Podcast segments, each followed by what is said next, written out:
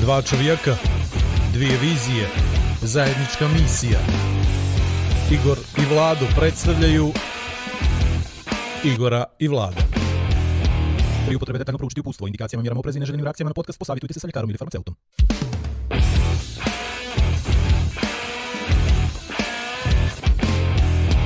A da vi rečem...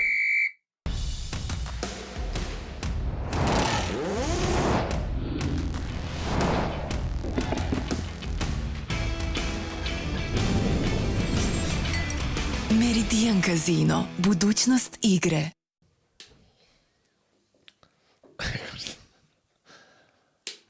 Ostaćeš bez prsta. Ću bez prsta, dobro.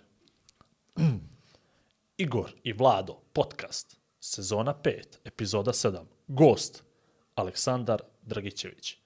Powered by, Meridian bet. opet.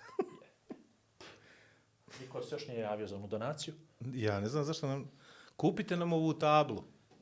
Ali, ali na flomaster. Na flomaster onda piši, briši i... To, ono to za je- djecu. Jer ovo je ovo mrvi se, brate, mrvi se. Ljudi misle da ko zna što je Ko bijelo. zna kad šta misle da je... e. Ko zna što misle da je ovo Ne bijelo bih sve ja da vizualizuju pogrešne stvari. A, dobro. E, Brate, treća neđelja. dobro. Dobri smo, dobri smo. Treća nedjelja čega? Jesi vidio komentare od kad smo na javni servis? Komentari, sve gledani. Nastavi. Poruke stižu.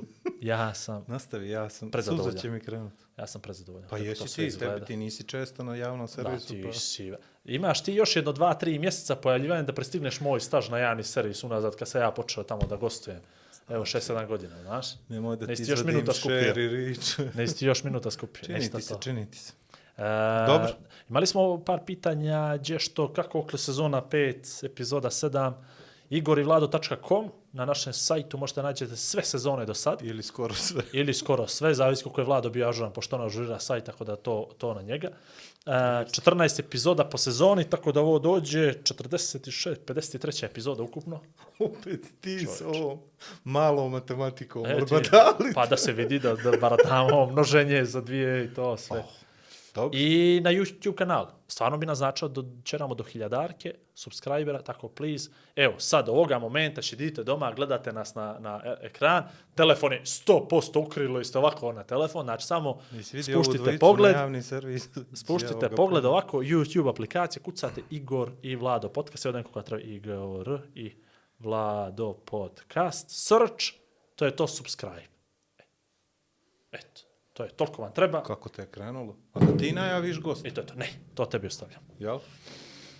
Ovaj, ja znam sad će on da se zacrveni zato što ću ja da biram riječi, ali dobro, mora i neka. Takav si ti. Takav sam ja. Ovaj, mene interesuje da čujem njegovu životnu priču zato što ja sam uvijek cijenio te ljude sa entuzijazmom i sa nevjerovatnom energijom, kao što si ti. Uostalom, tako smo počeli da se družimo. Hvala. I onda mislim da je to nešto što fali Crnoj Gori generalno, a on toga ima koliko hoćeš. I interesantno mi je da čovjek ode neđe u daleko i da svakog dana, u svakom pogledu razmišlja o ovom parčetu zemlje i, i ovim ljudima, a meni to nekako ne znam. Ja mislim da bih ja razmišljao do nekog. I još pazi vremenska, vremenska razlika. Apsolutno. Kako to napor? Pazi, entuzijazam ja mislim da je deficitarna kategorija i da se troši prije svega, ali nekako kod njega se to bilda. I svuda ga ima, pazi. Ajde, polako, vidjet ćemo. Upali kameru, ode po šumi, ode ispred nekih cijevi. Za sve, sve živo zna čovjek. A nemoj, ne bi ja to tako nazvao. Ne bi ja rekao sve zna, jer e, crnogorci su strašno osjetljivi kad predstaviš nekoga da neko sve zna. Pa Znaš, dobro, ja je to onda- namjerno, sad će oni svi da to- gledaju šta je ko je ovaj, je, da mu ko je, ko traže je grešku. ko je- Aj sad kad ga vide, a zna ja njega, s televizije, ne, ne, ne s Ne, televizije, ne, ne, nego sa- novina, ne, ne, iz vijesti, Facebooka. s Facebooka, sve, S. Twittera. Ma da i on ima sad ozbiljan staž ovo pred, na TV ekranu. Ja, A gdje nema, nije gostovao još samo kod Miceva u vremensku. misliš? Misli. Ali sad ove termalne kamere, ovo brzo će tamo. Kad krene to. Brzo će tamo. Ništa, Dobro, ajmo da ajde. uvedemo. Kako mi da uvodimo uvedemo, gosta. to je to. Aleksandra, ako nije problem, da mi spremiš jedan kimbo, onako kako ga ja volim. Eto tako. Izvolite. Aleksandar Dragićević, dame i gospodo. Ja cijelo vrijeme razmišljam, oni iznišće se žabljaka, znaš? Ne znam ja, brat, to će on sada nam ispričati. Iznišće, iznišće. Žabljak mu isturen ovdje. upoznali na žabljaku. To je mene malo Ne znam, zbunilo. sjećaš se Čuš ne sjećam 2019. se, čuš ne Kakva priča, uh, Vlado, dolazi Igor 2019. Čekaj, čekaj, pričat ćeš u Čekaj, mikrofon, na kam, to, to, to. U mikrofon, u mikrofon. Gas. Eto. Kako da Bez mlijeka, a? Bez, bez, samo šaljica i Šećer. ništa to, samo tako. Ajde, ja te- Ej, vidi ovo. kako je vješt. Evo vidiš Sad da sve možemo može. da snimamo. Ima Samo se ja i konobarskog staža, ne moj bon, sve sam probao. A nisam ja to htio tako da te uvedem, ti ćeš. Aj to ono kako smo se mi 2019. E, ajde Ovo moram to, odmah ajde, da, to, mi ajde. je, to mi je zanimljivo. Ja obožavam ljude sa vizijom i uvijek jurim nekako te vizije i pokušavam da promovišem viziju u Crnoj Gori, jer to nam je negdje nešto što nam nedostaje. I 2019. mene Igor kontaktira, kao dolazim, pravim neku priču na Žabljaku, možda ti bude zanimljivo i napravio jedan sastanak sa isto ovim gore zvaničnicima Nisam sa ja napravio, Žabljaka. pazi, pazi, on je, on je organizovao, on je organizovao. Ok, ok. Tvoja inicijativa. I moja inicijativa. Da vidimo se pomogne čovjeku, jer on mi kaže, pravi moja Extreme triatlon, napravio ludilo priču, sjeli mi tamo i ja ga gledam zaljubljeno, bukvalno ne mogu da vjerujem šta priča čovjek, kako će on da dovede najspremnije ljude na svijetu, kako će to da bude najteži triatlon na svijetu, a ovi ostali ljudi gledaju kroz njega. Ja se tako stalno osjećam kad odem recimo kod ovih zvaničnika i to gleda kroz tebe, veze nema šta mu pričaš, ništa mu jasno nije, ko je ovaj, što je došao i tako dalje. Gdje je njegov interes? Znači, gdje si ti, i ono, gdje sam ja tu? gdje smo mi tu, koliko će ovo teško mi bude? Igor tada dođe i mogu reći da da je napravio čudo gore i da su svi ono kao wow, je li moguće ovo i branding i filmovi poslije toga i sve, čak i motivisao određene mlade ljude iz Crne Gore da se po prvi put spreme i da odrade jedan od najtežih e, triatlona na svijetu. E, to je ta vizija koja nas sve negdje gura naprijed. Tako sam Igor upoznao, to je veoma zanimljivo. A evo da ja sad kažem kako se ja njega upoznao. Ovaj, on mene zove da dođem na taj sastanak koji će onda inicira. Sad ja s moje tačke gledište i sad meni to drago kad neko jel, tebe zove koji to prepoznaje. Kaže ja ću da okupim tu ljude. I okupio stvarno tu nekih 8, 9, 10 ljudi. Ovaj, I sad pričamo i ja vidim da je u stvari to jednosmjerna ulica. Znaš, ja pričam i otprilike od feedbacka nemam ništa. Odbija Do jednog momenta jedan, jedan kaže, a pogledam prošle 20 minuta, a, slušaj ovako, ja nemam nešto sad previše vremena, a to pa mrtva, mrtvo doba i godine i dane i svega toga, nego vidi, stavit ću ti ja broj telefona, pa ti da središ te ljude na rafting kod mene da pošalješ. Nikad više. Nikad više. I odo ja. I ono onako, znaš, to, to je taj jednokratni interes u, u, u tom nekom momentu.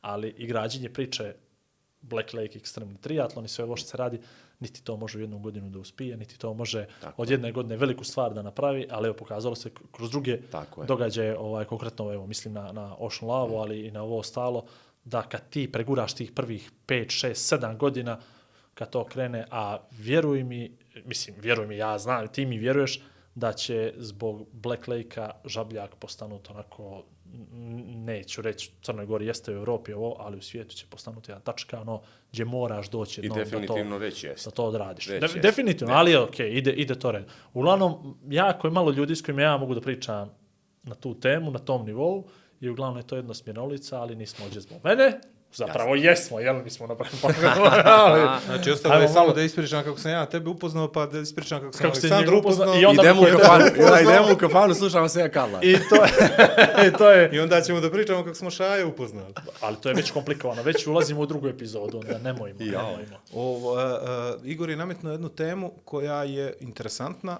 On priča o žabljaku, a ti si nekako postao u centru, odnosno došao u centar pažnje zbog nekih priča vezano za žabljaka, u stvari ti si Nikšićanin, je li tako? Tako je. Ja sam Nikšićan, odrastao sam u Nikšiću, kasnije uh, nastavio u Podgorici da studiram i onda negdje 2013. godine živio sam i u Budvi i u Kotoru sam radio, pekao ovaj turistički zanat i tako dalje. Prije toga, na 2013. godine odlučim da sa tatašnom devoj, djevojkom, a sadašnjom suprugom odemo na Žabljak i započnemo jednu novu priču koje nema.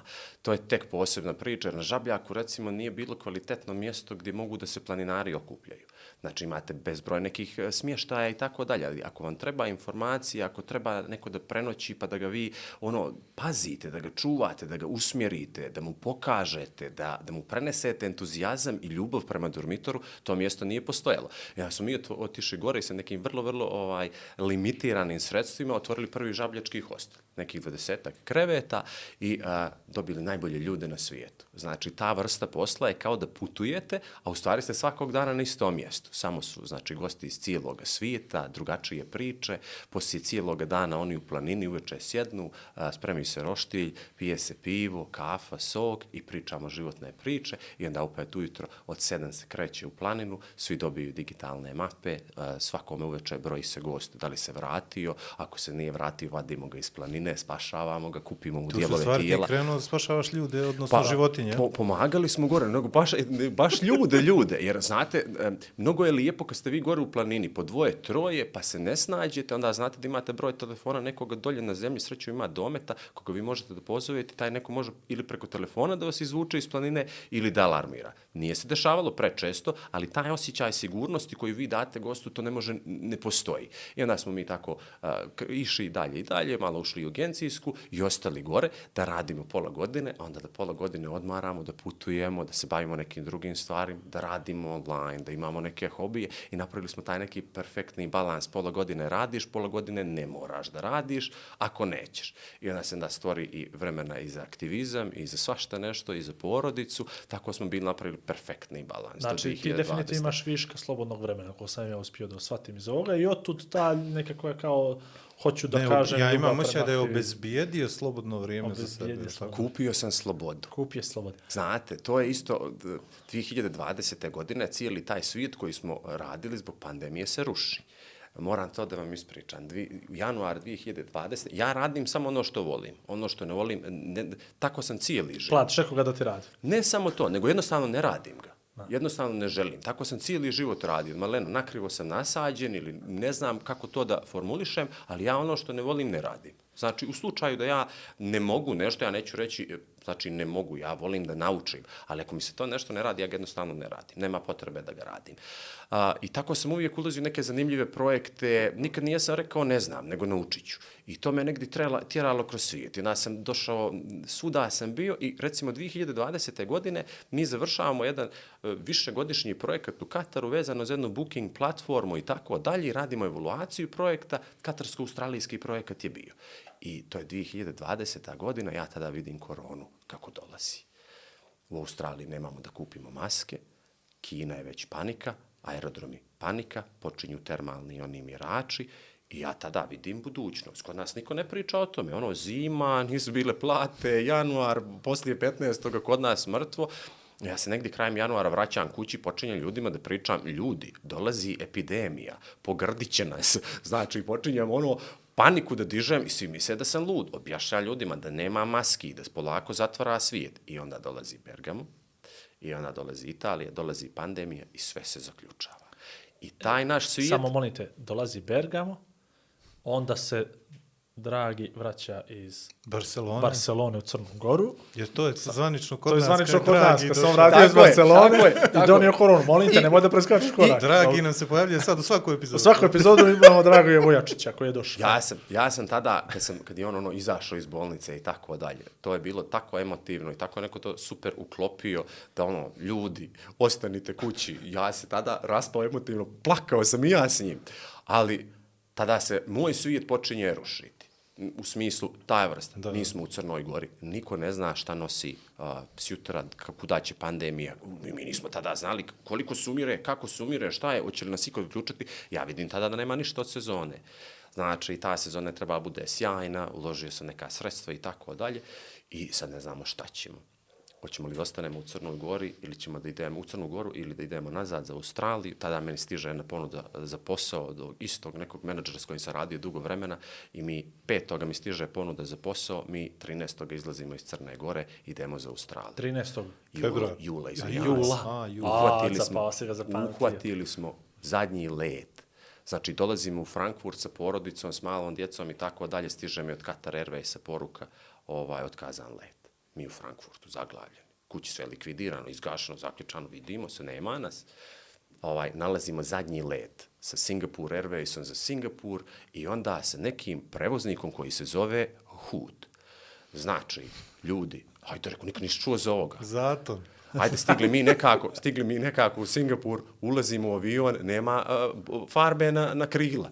Low cost preko okeanski, šest i po sati, nema hrane, nema Možda televizora, po nema ništa, ide. nema farbe na krila. I cijelo vrijeme škripi avion i trese se. Ja rekao, ako stignemo živi, znači ono, super, sve ono, zbog djece mi, nije mi zbog mene. Vidi, možda te ne bi ni tra... ti kad se sruše, te ni ne traže. Znaš, to je baš onaj low cost. Ne uđe, ne uđe u jest. Ne, ne uđe, Znači, ne. slijećemo u Pert a, i to je bilo to. Mi smo bili jedan od zadnjih letova koji je mogao tako da sleti u Australiju. Poslije toga nijesi mogao, ono što kažu Nikšić, da si pita, ne možeš da dođeš u Australiju. Plaćalo se velika sredstva i tako dalje za taj hotelski karantin. Oni su po, napravili su, znaете šta su radili? Hoteli sa pet i sa četiri zvijezdice bili su njihovi a, hotelski karantini. Mi smo bili smješteni u penthouse-u hotela Intercontinental, ja, žena i, i djeca, ja supruga i djeca, i znači imali smo sve. Znači, bukvalno ove za, aparate za kafu, donose hrane, ti sve, ali možda izađeš 15 dana, bilo nam je ekstra. Imali smo džakuzi, znači djeca pa im postavi- 15 i dana to smo imali znači, ne, ne, dva ne, ne, znači, ne, još, nije mene još nešto, mene još, ja sam još topao. Tada me, nesigurno brate. tamo plaćalo se po 7-8 hiljada dolara po osobi i sad ono izlaziš, naplatit će ti australijanac, poslije od plate od nečega mi ono izlazimo, čekamo da nam ovi daju račun, oni ono kao je hvala su, jel vam bilo dobro, jeste, ajde opet da vas testiramo, vidimo se. Ja gledam ženu, ono kao, hoće li ovi da nam uzmu pare, nešto će nam poslije stići. Će nam uzeti Ne, veli, Dijete ti ne, veli džabe. I onda smo godinu i po dana proveli u Australiji, radio sam i ovo na slobodno vrijeme. Radio sam nešto recimo što nijesam volio. Kancelarijski posao, financije i osiguranje, svakoga dana 8 do 10 sati, kao pravi Balkanac i Crnogorac, radio sam preko vremeno i vikendom kad je trebalo samo da se radi, da se stvara, da imaš. I nisam to posebno volio, iako sam bio tu uspješan, ali ova vremenska zona mi je tada pomogla da mogu da vidim šta se dešava kući. Jer recimo ja završavam oko 4-5 poslije podne, tada je kod vas 7-8 ujutro i ja počinjem da ovaj, sa ovim dijelom aktivizma čitam vijesti, vidim šta se dešava, pa onda prozivam, pa ojedu zabavljam, pa mobilišem, pa onda kao, slali su mi bukvalno ljudi poruke koje sam ono targetirao u tim nekim njihovim a, ludostima koji su negativne za Crnu Goru, kao družili nas puštiti. Znači 15.000 km si daleko, znači primiri, znaju da, da si ono out of reach, a i ovdje kad smo bili nije bio problem. Tako da sam imao tu slobodnog vremena na taj način, poslije posla, na pauzi, a, onda uveče, ono, kad se legneš, se kaže po sat vremena, jer ja ne gubim vrijeme. Znači, nije da ja imam previše slobodnog vremena, nego meni je svaki minut nečim ispunjen. Ako nešto ne radim, onda ja razmišljam. Ako vozim, slušam podcast. Recimo, odem da budve i sat i po vremena ja to iskoristim da poslušam vaš podcast ili neki drugi ili da neku finu emisiju ili nešto tako. Ne trošim vrijeme. Jednostavno gledam da je svaki minut iskorišćen. Jer takav takav vid života i energije nekako mi odgovara. Tako da je to bilo zadnje par godina i zato sam imao vremena.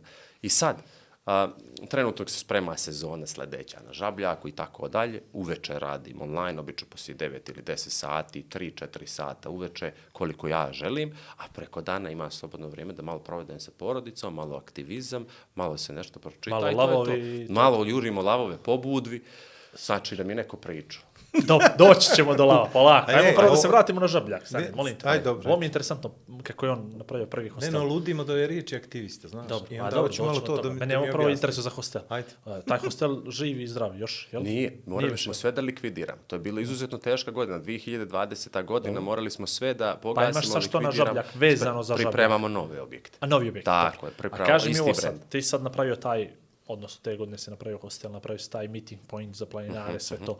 Je to neko nastavio da radi? Mislim, nastavio u nekom smislu, jeste vi da Jel nekome prepisao? ide, je neko Ne. prepisao projekat? Ne, ne, zbog Ne, toga što je nemoguće, otvarali su poslije toga, bilo je još ono 6-7, ali je nemoguće iskopirati a, a, koncept gdje si ti a, centralni point svega toga. Znači, ne možeš da iskopiraš mene ili moju suprugu ili moga burazera koji smo tu i koji živimo a, tu priču. Znači, ti možeš da otvoriš takvih objekata stotinu, ali će jedan da radi bolje nego drugi. Upravo zbog toga što ja sebe uložim tu 100%. Staram se tim gostima ono kao da su došli kod tebe u kuću kao što i jesu i postaraš se da je njima tu najbolje u onom, naravno, smislu gdje ti imaš. Ali znači, što se tiče informacije, mi vrijeme, znači pratimo bukvalno vremenske prilike. Naučio sam kao Micev da čitamo one meteograme i tako dalje, poznajemo uh, svaki pedalj planine, uh, ocijeniš gosta. To je recimo isto, na zapadu, je, evo i ovdje, ne možeš Ti nekome da kažeš, vidi imaš 180 kila, spucat će te srce tu, uz tu prvu stranu. Ali moraš da naučiš kako to da prilagodiš, pa da mu kažeš, pa vi pođete na novu a, lakšu stazicu od sat, sat i po, pa onda vidimo, možete li vi na Bobotov kuki. Na taj neko ode na to sat i po vremena, duša mu dođe u nos, vrati se i kaže, imaš li ti još nešto lakše za mene? Smo imali i tih situacija, da ljudi dođu, mi ih zovemo office hikers. To je recimo zanimljivo. Ja vjerujem da ih i ti imaš vamo u, u, u ovom tvom angažmanu oko, oko triatlona ljudi sjede u kancelari i oni su jako, da kažem, ne kažem nesrećni, ali neispunjeni. I oni imaju taj godišnji odmor.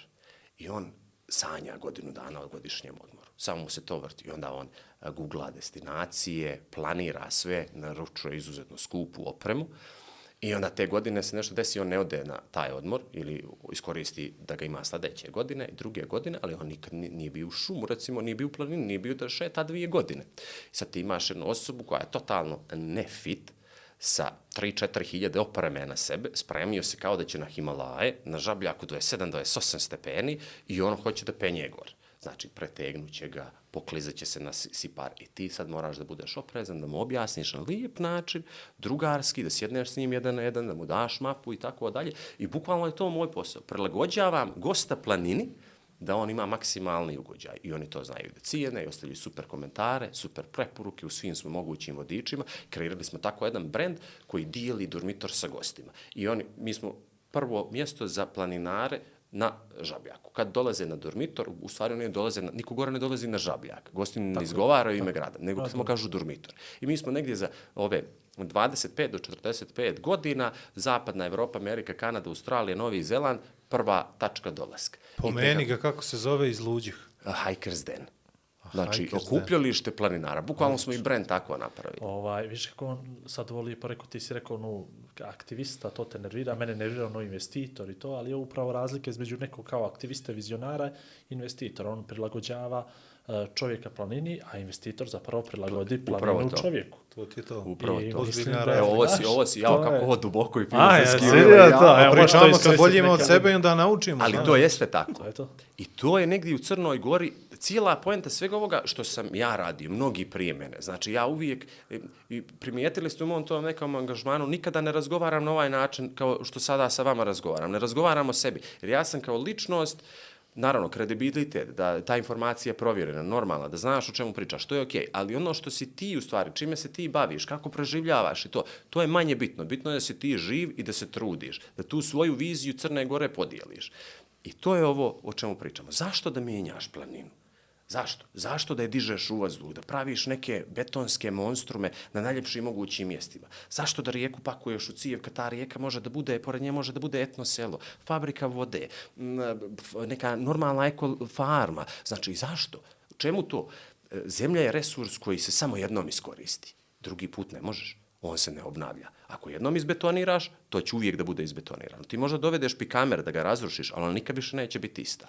Ni vizuelno, ni, ni... I onda imaš jednostavno tu situaciju, mi vidimo Crnu Goru na drugi način. Ja vidim kao jednu najljepšu zemlju na svijetu, a on je vidi kao milion ili dva, tri miliona nekog dodatnog prihoda. Ali nije da ne može da ih zaradi i na drugi način, a da to ostane. Samo što je mnogo potrudi, lakše, e, ali samo da. što je mnogo Pa, lakše. ne, možda, ajde, gleda da se složim, da se ne složim je lakše ili nije, ali obično ljudi nemaju uh, viziju da to može da bude interesantno. Ajde da taknem se Solane, danas sam nešto o njoj mislio, iz nekog razloga nije važno, ovaj, Solana je strašan resurs, ne samo u, ne samo u, u tom proizvodnom smislu, nego i u turističkom smislu. Tako je. Kakve, koliko- kakve sam ja muzeje soli posjetio. Tako je. Kako sam ja ulaznice platio, nema, mislim, ono, kažeš, se to na kraj isplati, ali da te neko vodi u muzej soli ili u muzej kafe, ili ti stvarno pođeš tamo i, i dođe i možeš da kupiš neki onaj e, kristal soli, pa kao suvenir, pa neku, jel, pješčani sat od zrnca soli, mm -hmm. pa da te neko potroši neki tvoj pola sata, sat vremena da gledaš ptice ili tako nešto.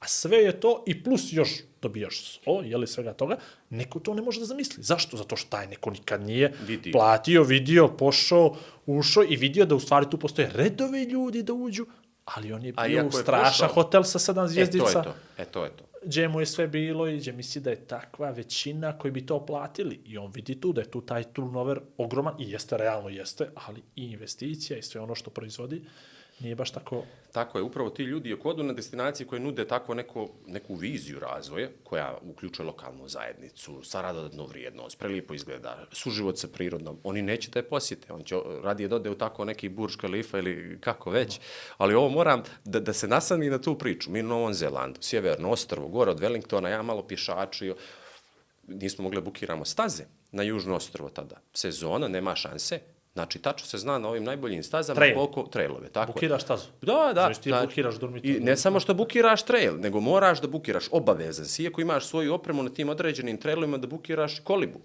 I to ti je, znači, to užasno mnogo košta. I to su trailovi po 6-7 dana. Nema šanse da možeš da bukiraš ako ne bukiraš pola godine, godinu naprijed. I hajde, idemo na sjeverno ostrovo, gore je sve free to go.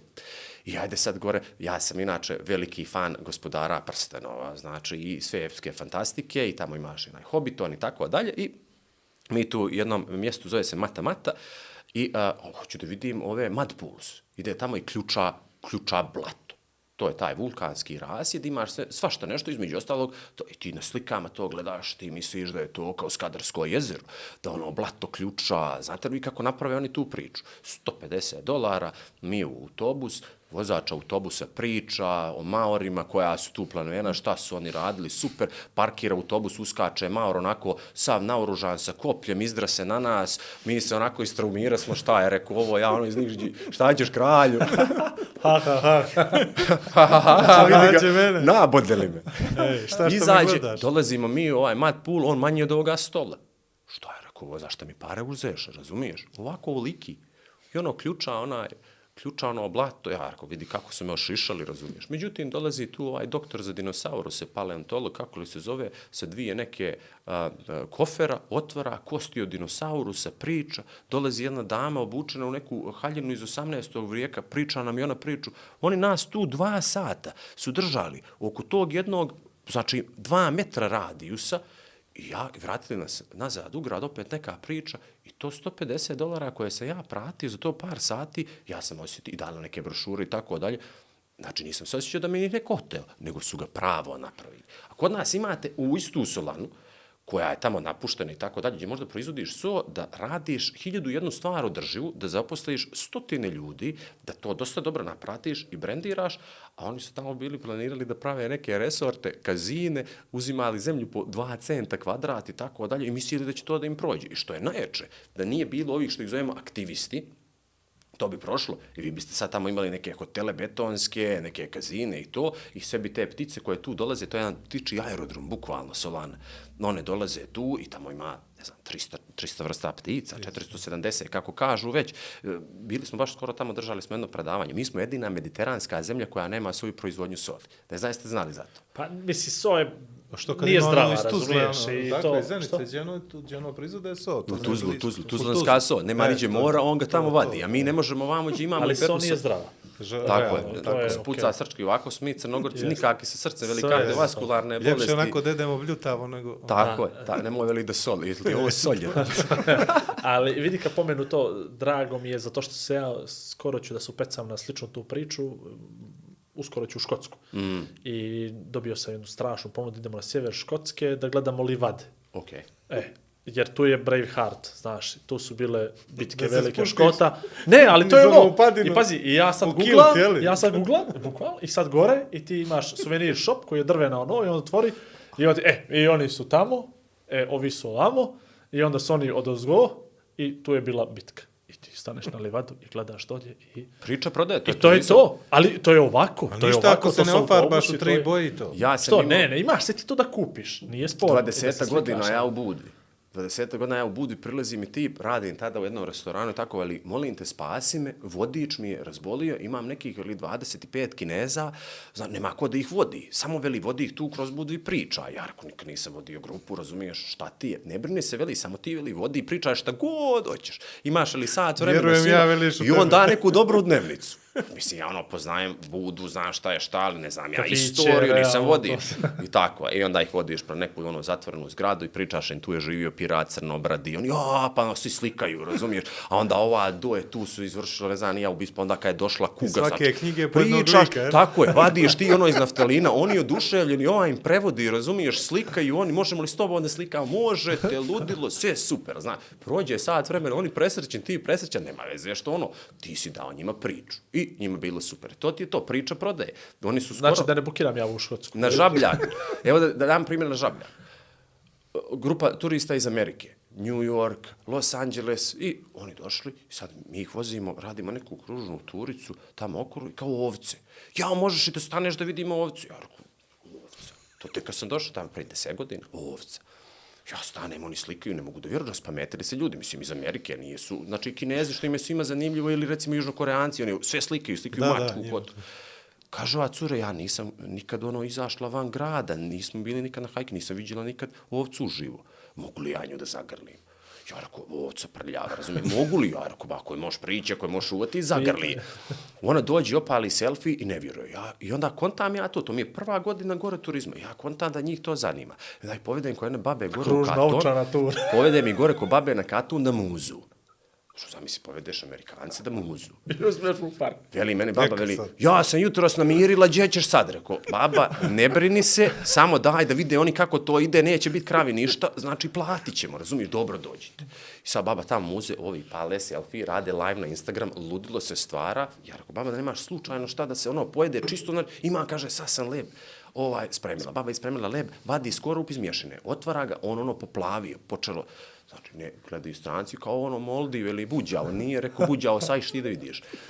Ja uzmem, zahvatim, pojedem, oni su se razvali, cijeli su hleb pojeli, Stomak. kupili su svi po kilo skorupa, nije baba imala da im da po kilo skorupa i onda provališ, znači to je turizam. Priča i doživljaj. I šta smo mi u stvari turistički radnici? Mi prodajemo a, iskustvo njima i prodajemo im sjećanje. I on će se sigurno tog uspomene. momenta... Pa ti si animator Tako, stvari. stvaraš im uspomene. I kad bi, kad bi u Crnoj Gori svi skontali da sezona može da bude 12 mjeseci, upravo na stvaranje uspomena, originalne priče. Znate vi koliko mi ljudi imamo gore po sjeveru koji su priča sama po sebi. Vi pođete čovjek cije pa drva, dođeš sa turistom, nazovete mu dobar dan, on iznese po čašu rakije, turista ne zna šta mu se dešava. Hoće, hoće da plati. gleda, da, Oni da, bukvalno vade da plate. I takve neke uspomene mi možemo njima da kreiramo i budemo najjača destinacija. Šta smo mi uradili? Odlučili smo da izbetoniramo. Sad moram da se vratim na ovaj aktivizam. Što me izuzetno na- uznemiri me. Mi smo odlučili da izbetoniramo obalu, gdje god ima neka plažica da je obavezno neko privatni zauzme, da, da spakujemo rijeke u cijevi, da ako ima i gdje ikako brdo ili da u njemu bude kamenolom ili da ga neko digne u vazduh da bi izgradio neku, nekog betonskog monstruma od deset. I onda zapanjak dođe i kaže, znaš kako, o, super je meni Budva, ali nije to to, ja sam to gledao i po Španiji, svuda, kaže, ja sam bio u Gusinju, meni je Gusinje vrhunski.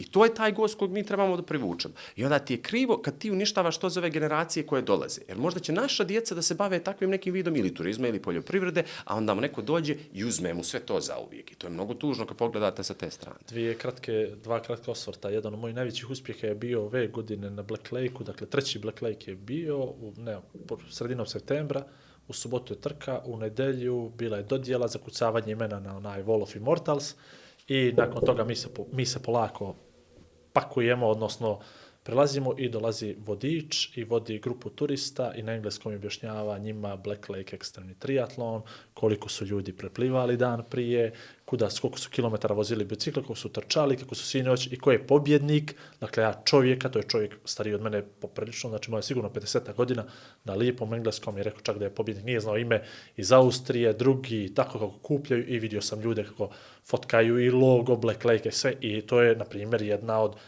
većih uspjeha u smislu, ok, super, neko ovdje svata tu vrijednost Tako i prenosi je dalje.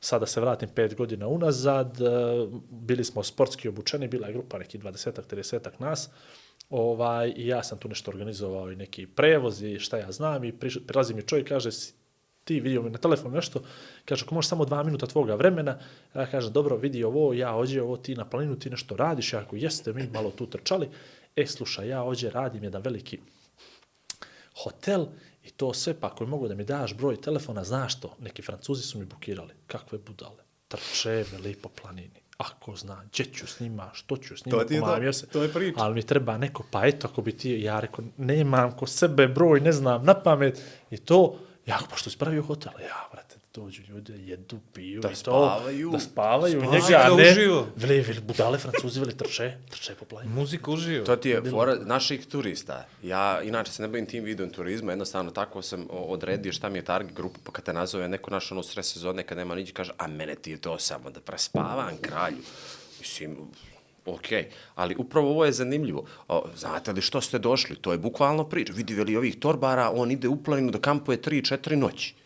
I ljudi koji žive tamo, recimo, njima je ta planina najveći neprijatelj, jer nemaju nikakav, recimo, direktni benefit od toga, ne razumiju koncept i sad ne može on da, da skonta, pošto nikad to nije radio, zašto bi neko išao da kampuje, recimo, tri noći u planinu, da se cima gdje će da nađe vode, hoće li se, što bi rekli naši, skrkati neđe i to, i da on plati nekoga... Iđede nešto. To taman, da te nešto, znači nema da te ponese, nemate, vidimo se, pojedete, imaš međede, imaš vuka, šta ćemo, ali to ti dodaje, znaš, pa ti kad si gore, kad čuješ vuka kako zavija preko planine, on bukvalno, to je uspomena koju on nosi svuda, ali naše ljudi to jednostavno ne žele da skontaju. Ali ono što sam ja mogao da primijetim konkretno gore, jer sam gore, eto, već bila je deveta sezona kada 2020, a nažalost, ovaj, da ljudi polako se mijenjaju.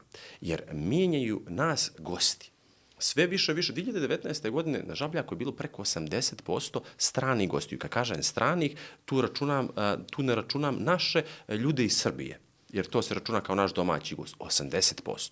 Izrael, Francuska, Njemačka, Belgija i Holandija, recimo, znači Belgijanac ili Holandjani koji nema planinu, tako je, on dolazi tamo i oni svi ostaju 7 do 10 dana.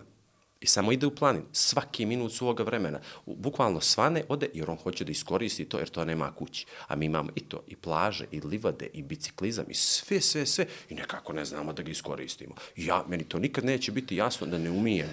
Zna, znaš kako ti je to, to ti je ono osjećaj, imam ga doma mi je to, pa ima kad, naša, život, život prođe. Tako Jer kad ga nemaš, to je valjda, to je valjda odeš da ga ne mi trun samo. Pretrčao si mi ovo, pretrčao si mi početak. Jer nemoguće se rodiš kao aktivista. Šta se dešavalo je na tom putu? to? Šta se dešavalo na tom putu od rođenja preko prve škole, druge turističke, jer ti sve nekako ideš uz put i kupiš te neke... Tako je.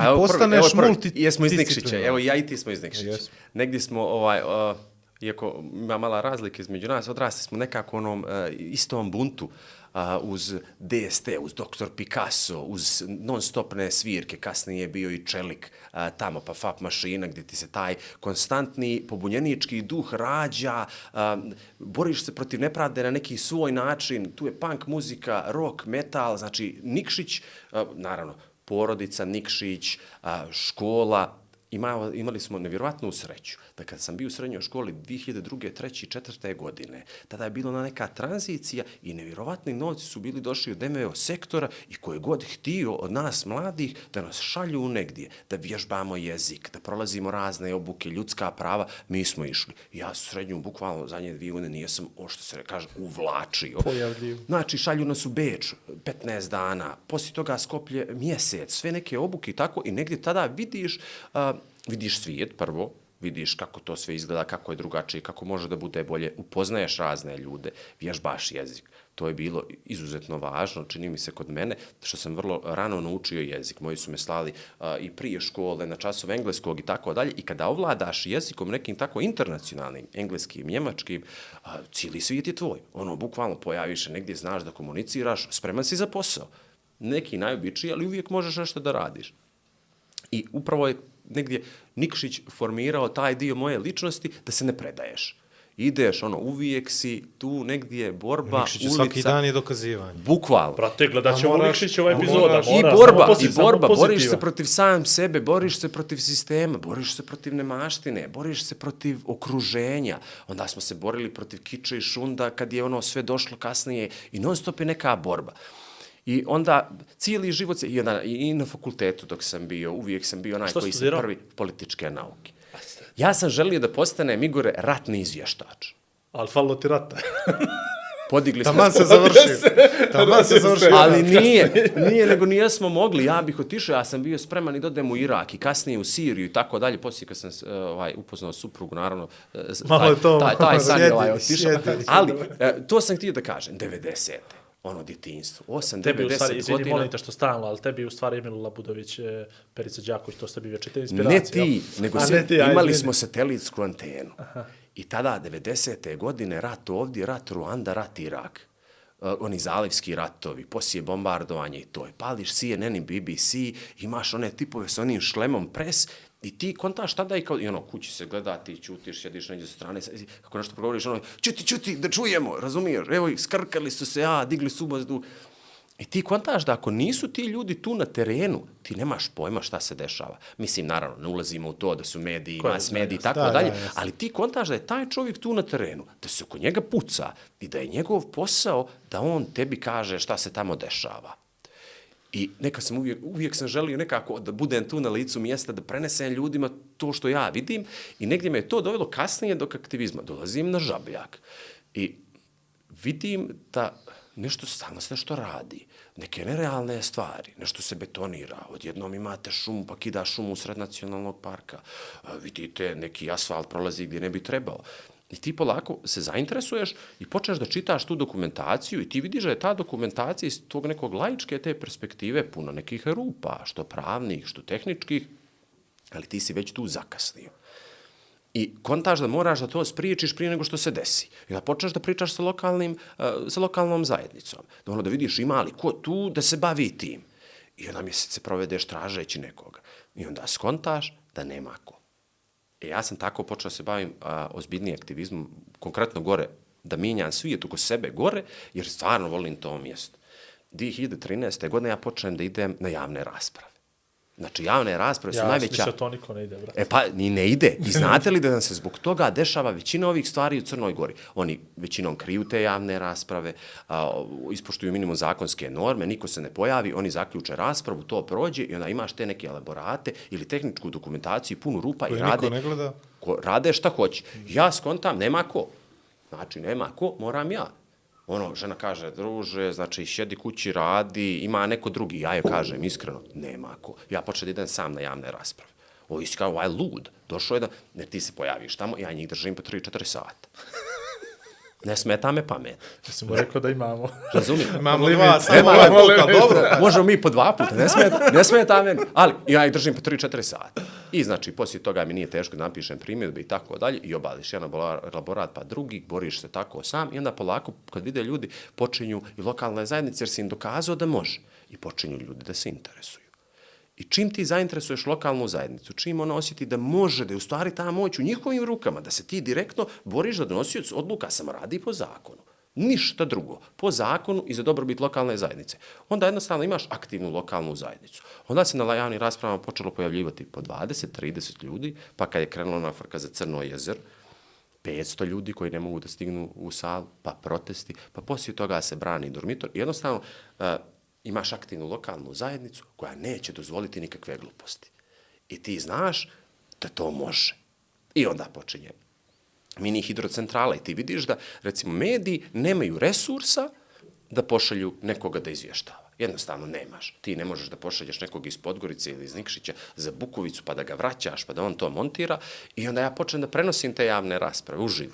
Najduži sam live, Ja prvi put live. taj, Najduži taj. live u Crnoj Gori ikada rađen. 7 sati i 40 minuta iz Bukovice sa javne rasprave. Tako. Nije stajao. Znači, javna rasprava, vraćamo se na blokadu, vraćamo se na javnu raspravu, privodi nas milicija, idemo dolje u opštine i on nestaje. I zamislite, ne pucam internet. Ide odjednom. I tada ljudi gledaju i kontaju šta se dešava, kontaju kakva je to prevara u pitanju, kontaju koliko je lokalna zajednica protiv toga. I onda se tu javljaju, tu se javlja naša Crna Gora, lokalni heroji. Znate, pričamo o onom čojstvu junaštva, pričamo o drugom svjetskom ratu i onim herojima. Ja sam njih gledao. Znači, ja sad naježim. Ti vidiš čovjeka koji se ustane, vidiš kako mu gori pogled i on kaže, ovo vam neće proći. I održi jedan govor, ti znaš da to nema šanse da prođe. I ne prođe. Pa onda odete za bilo polje, pa ne prođe ni tamo. Pa onda se javljaju kolege iz plava, ni tamo nije prošlo dvije. Pa onda kreće Kolašin, pa onda kreće i odjednom, u jednom trenutku 2019. godine, ja više ne mogu da postižem jer je toliko tih požara i onda se uključuju drugi ljudi i u jednom trenutku svi kontaju. Mislim, nismo mi to počeli, bilo je to i ranije u borbu sa tarom i tako dalje. Daleko od toga da te zasluge negdje preuzima bilo ko, nije to A pravedno. dobro, ali sa društvenim mrežama i Ali, tehnologijama tako vi je. ste to uveli u svaki dom. u, bukvalno u mainstream da ti razumiješ šta se tamo dešava. Kakva je devastacija kad ti snimiš da pola šume nema pored puta, da niko nije mogao ti da dozvolu, to nije doznačeno. Kakav je užas kad vi vidite jednoga vuka koji ovako visi i krvari i kaplje krv na nelovni dan. Kad vidite 15 masakriranih divljih svinja van lovne sezone da su ljudi potukli. Kad vidiš, išli smo kajakom da snimamo u zeti cijev iz farme svinja kako se izlivaju fekali. Razumije? Ti to možeš da vidiš. Ne mora novinar, ti si novinar. Sa društvenim mrežama su svi novinari. Tako je, tako je. Sve što, samo što moraš da Mi smo ispoštuješ. sad u stvari aktivisti, samo biramo način. Tako je, upravo. Dižemo svijest na određeni način. Vi ste meni dali platformu sad da ja ispričam neku svoju priču, neko će to da posluša pa kaže, ok, možda ovaj nije lud. Ili možda je on to radi ispravno. Možda i ja pokušam nešto, možda nemam pojma. Zasadim drvo u parku. Znači, bitno je samo koliki je taj nivo tog nekog našeg aktivizma, koliko želimo. Ali pazi, tamo si na društvenim mrežama, što kaže Aleksandar Radlović, status i post, ali ovdje si živ čovjek koji stoji iza svojih riječi i onoga što Tako piše je, na... tako I sad te on vizualizuje i kapira da tvojim očima ima ta energija, Tako je. iskra i počinje da ti vjeruje i više nego što ti imaš ono facts and figures. Ali što, to je ono kad si me što ti pitao prije, kao, odakle ti vremena da radiš to? Kad ti to sve imaš u glavi, znači, taj jedan Facebook post se piše za jedan minut. Mislim, tu ima dosta prije toga čitanja, Naravno, praćenja naravno. cijele te situacije. Ali ja bukvalno izađem, Ti ne googlaš prije nego što... kravata, odijelo, sastanak tri sata, najsuvlji mogući. Pričamo o osiguranju, zamisli to. Znači, ne, ne možeš zamisliš ništa dosadnije. Poslije tri sata ja silazim dolje, jer pošto tamo niko ne puši, s 13. sprata silazim da ispušim dolje jednu cigaretu, to je jedan moj porok koji imam, i ja opalim jedan status i idem, vratim se ovaj, opet Već dok si do gore zapalio si. Ve- Već odmah nekome, ne, nekome se radi u glavi, razumiješ? Nekome, za, ono, puka mu javuku crne utrobice.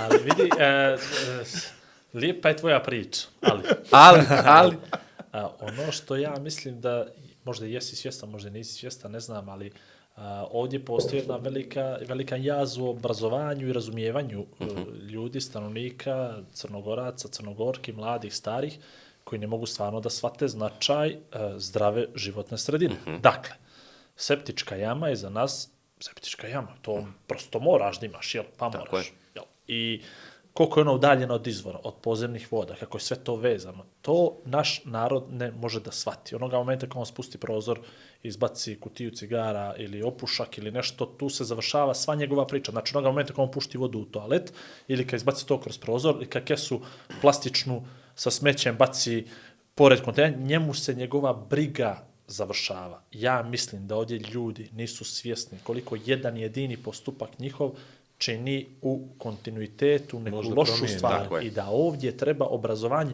Dakle, evo, meni djeca su osnovci, oni znaju što je reciklaža. Tako. Njima su, ali oni nemaju gdje to da, da primjenjuju. Ne da vježbaju, no da primjenjuju. Oni su prošli kroz to, zadovoljena je neka nova forma evropskog jel, obrazovanja ili sistema, ali ta recikla, i ja mislim stvarno ljudi, ako sami ne krenu da istražuju, preispituju se to, da oni stvarno ne shvataju šta, šta oni kon, ko, konstantno sami sebi rade, kako truju, kako štete i kolike nesagledive posljedice tu ostavljaju za država generacije. stupa na scenu.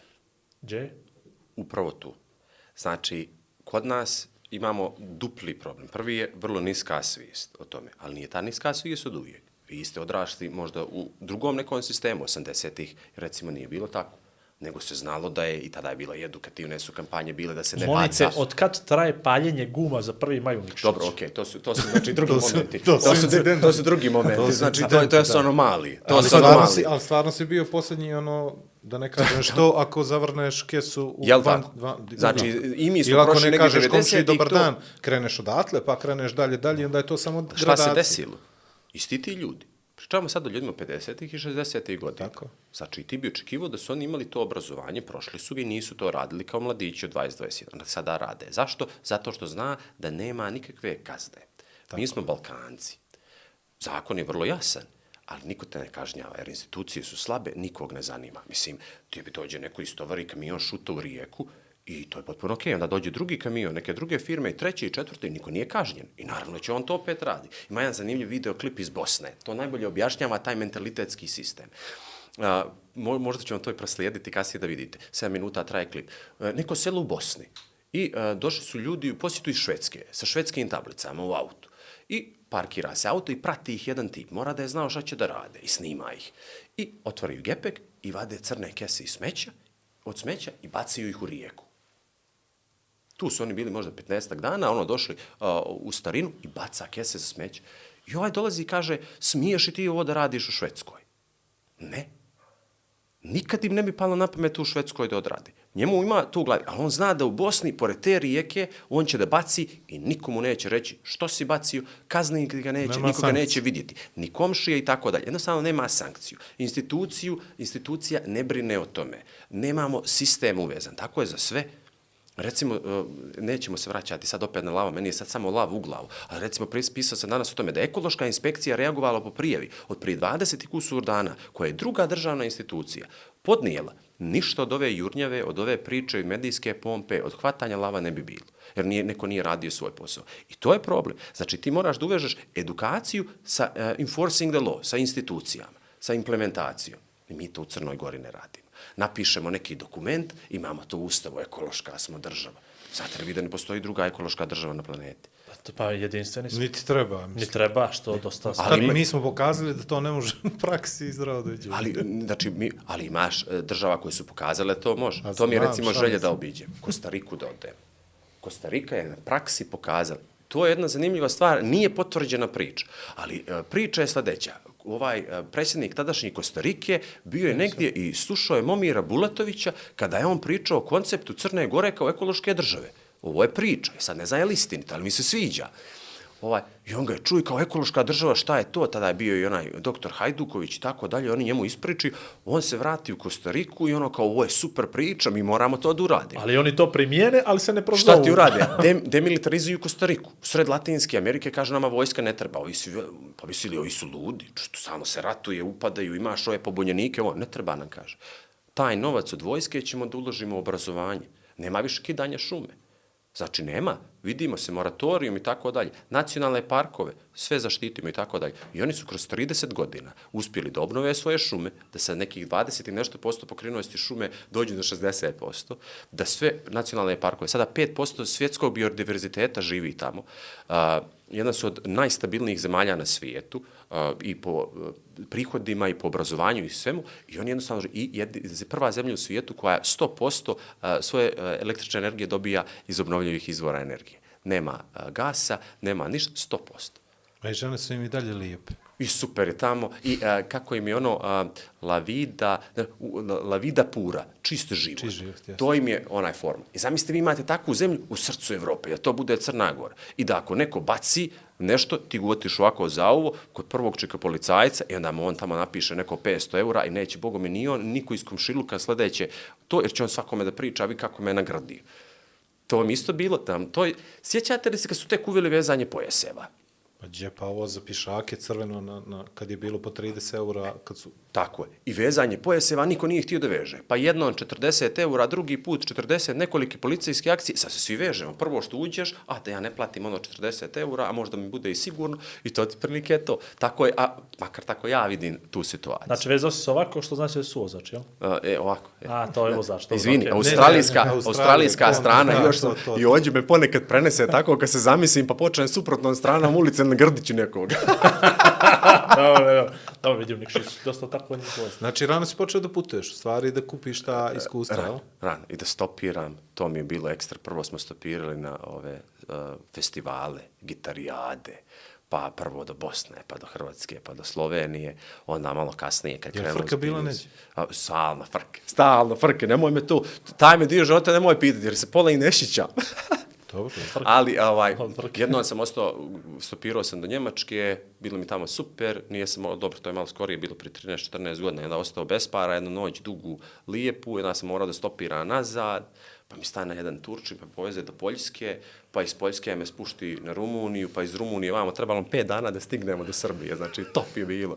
I ono kao, ajde, krupan jedan tip onako, ali super lik, Orhan, znači ekstra. I dalje smo drugovi, dopisujemo se i to. Znači, bilo mi je takvih situacija dosta. Obožavam da putujem. Upravo iz tog razloga što možeš da vidiš kako može, kako ne može i kako drugi ljudi žive. I ti skontaš da mi svi na svijetu dijelimo iste probleme. Negdje su neki izraženi, negdje nijesu. I da svuda na svijetu ima dobrote. To je nešto što, što, što ja tražim. Kada te neko lijepo ugosti, kada ti lijepu priču ispriča, ja obožavam da kupim priče i te vizije, da vidim, da pronađem nekog u sred pustinje ko će da mi ispriča koliko je za njega značajna voda. Kako je oni cijene, kako oni u istoj vodi e, koju recimo se umivaju i peru suđi. Za nas je recimo to kao wow, to je baš gadno. Gledali smo u pustinji kako se umivaju urinom od kamile.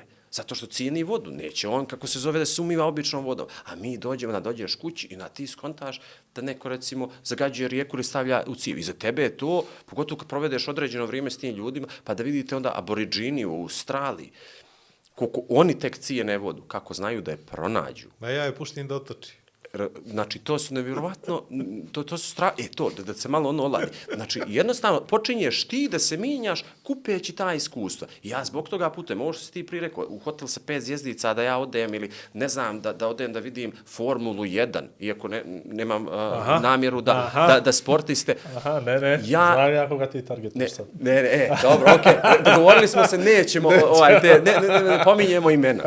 Nećemo o tome i o ljudima gušterima. Znate i tu o kome pričam. Eto, viš, viš kako, kako, duboka država. Ali recimo ja sam uvijek išao da odem da popenjem neki vrh, iako nisam sad neki strašan planinar i to nisam peo, ali odeš i uvijek u planinama imaju naj, najbolja ta najljepša sela, mala, nekolike kuće, te ljudi koji se susreću e, svakoga dana sa nekim ono izazovima. E, to su ljudi koji će najljepše da vas ugoste, koji vrlo malo pričaju, ali kad krenu da pričaju, ja pričam mnogo, da se zaključiti. Kad krenu da pričaju, ispričaju vam ono svoju neku priču, kako su oni došli tu, šta rade svakoga dana, jesu li spasili nekoga, šta mogu da urade za tebe, šta ti možeš da uradiš za njih. I jednostavno, eto, zbog toga sam putovao, vodio me put suda, A dobro, to je super zato što ljudi ti pričaju kako na različite načine prolaze kroz život. Ono, Tako ne, je. ne moraš da shvatiš da je ovaj tvoj najljepši, ali s druge strane da je katastrofalan Tako to, je. taj što ti živiš, jel?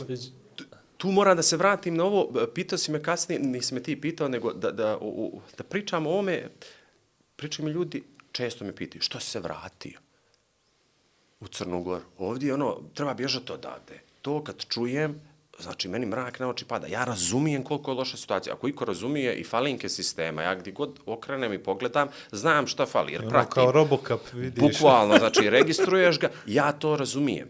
Ali isto sa druge strane razumijem i potencijal koji postoji ovdje. I razumijem koliko smo mi nekako uvučemo u taj mindset da je ovdje najgore. I često mi ljudi e, spočitaju i to kao stalno pričaš negativno o Crnoj Gori. Ja nikada ne pričam negativno o Crnoj Gori. Ja ukazujem na probleme i alarmiram kako bismo ih popravili. Čak često dam i kreativne rešenje. Ali mi uđemo u taj mindset, treba bježati odavde. I onda se ti vratiš, još iz jedne razvijene zemlje, po peti, šesti put. Ja sam često išao tamo. Šta ćeš oći? Da ti skontaš, kad ja pokušam da objasnim ljudima, ponekad stvarno mi se ono, nije mu dobro. Ti moraš da jedeš, spavaš i recimo voziš auto. Ne moraš ni da ga voziš, možeš biciklom da ideš, ali evo da kažemo moraš te tri stvari. Znači, treba ti neko mjesto za život, lijepa kuća, normalna da je zdrava, normalno ćeš jesti isto ovdje kao i u New Yorku. Čak ćeš možda bolje jesti ovdje nego tamo, jer ti je ovdje zdravije i tako dalje, možeš da nađeš zdravu hranu. I, znači, vozit ćeš auto ovdje kao i tamo. Pitanje je sad, koliko svog vremena ćeš ti da provedeš da bi mogao da radiš to troje. Tamo provodim pet ili šest puta više vremena i truda nego što to činiš u Crnoj Gori. I to je jedan kroz jedan. I u Njemačkoj isto tako. Samo dajem banalan primjer. Ti se voziš ili autobusom, ili uh, autom, ili vozom po sat, sat i po na posao. Većina ljudi tako radi. Ja sam nekad kad je bila gužva i po dva sata putu u jednom smjeru. I sat, sat i po nazad, tri, tri po sata ja izgubim 15-16 sati samo putujući na posao. To 15-16 sati, ti možda pročitaš neku knjigu ako voziš, ne možeš ništa. Sjediš i slušaš radio. Zašto? Da bi mogao da platiš leasing za to auto i osiguranje i tako dalje. A ovdje kad neko putuje 15 minuta, otko, a gdje si veli na drugi kraj grada 15 minuta. Zaspaćeš u tvojoj kući ovdje u Podgorici, gdje će da ti bude super, imaćeš neko dvorište da zasadiš i ta kuća će ti košta x novca. I treba će ti 15 ili 20 godina da je otplatiš. Tamo će te košta x novca i treba će ti 25 ili 30 godina da je otplatiš. Znači, sve zavisi od tebe šta tebi odgovara. Meni recimo odgovara da imam slobodu slobodu da mi ne visi hipoteka nad glavom od 2 miliona dolara da bi kupio neku malu kućicu, škatulicu, no što bi rekli. Ili da ne, ne moram svako 5 godina da mijenjam auto, jer da mi je promijenim, da promijenim ovo, um, gumu mi je 100 dolara ili 200.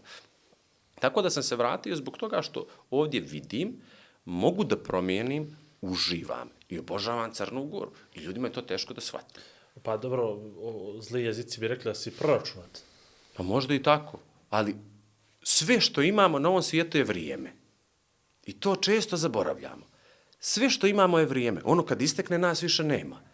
I do tebi je kako će to vrijeme da iskoristiš. Nema sudijske nadoknade. Ništa. Ćao, vidimo sob, gasi svjetlo, motaj kablove i to ti je to otprilike. Ali kako ćeš to vrijeme da iskoristiš? Hoćeš i da ga iskoristiš da bi sjedio tamo u nekoj kancelariji 40 godina života, što možeš i ovdje, ali ovdje onda možeš da izađeš iz kancelarije, upališ auto i na oblun si za 15 minuta sjajna staza, preporučujem svima. Ili da spuštiš do Skadarskog jezera ili pola sata dolje do bara da se iskupaš i da se vratiš kući.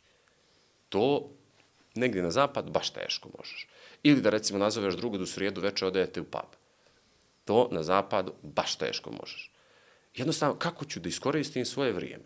Imam te osnovne uslove za život, e, imam svoje hobije i tako dalje i tebi je super. Iskoristio si i maksimizovao svoje vrijeme na ovom svijetu, na ovoj planeti.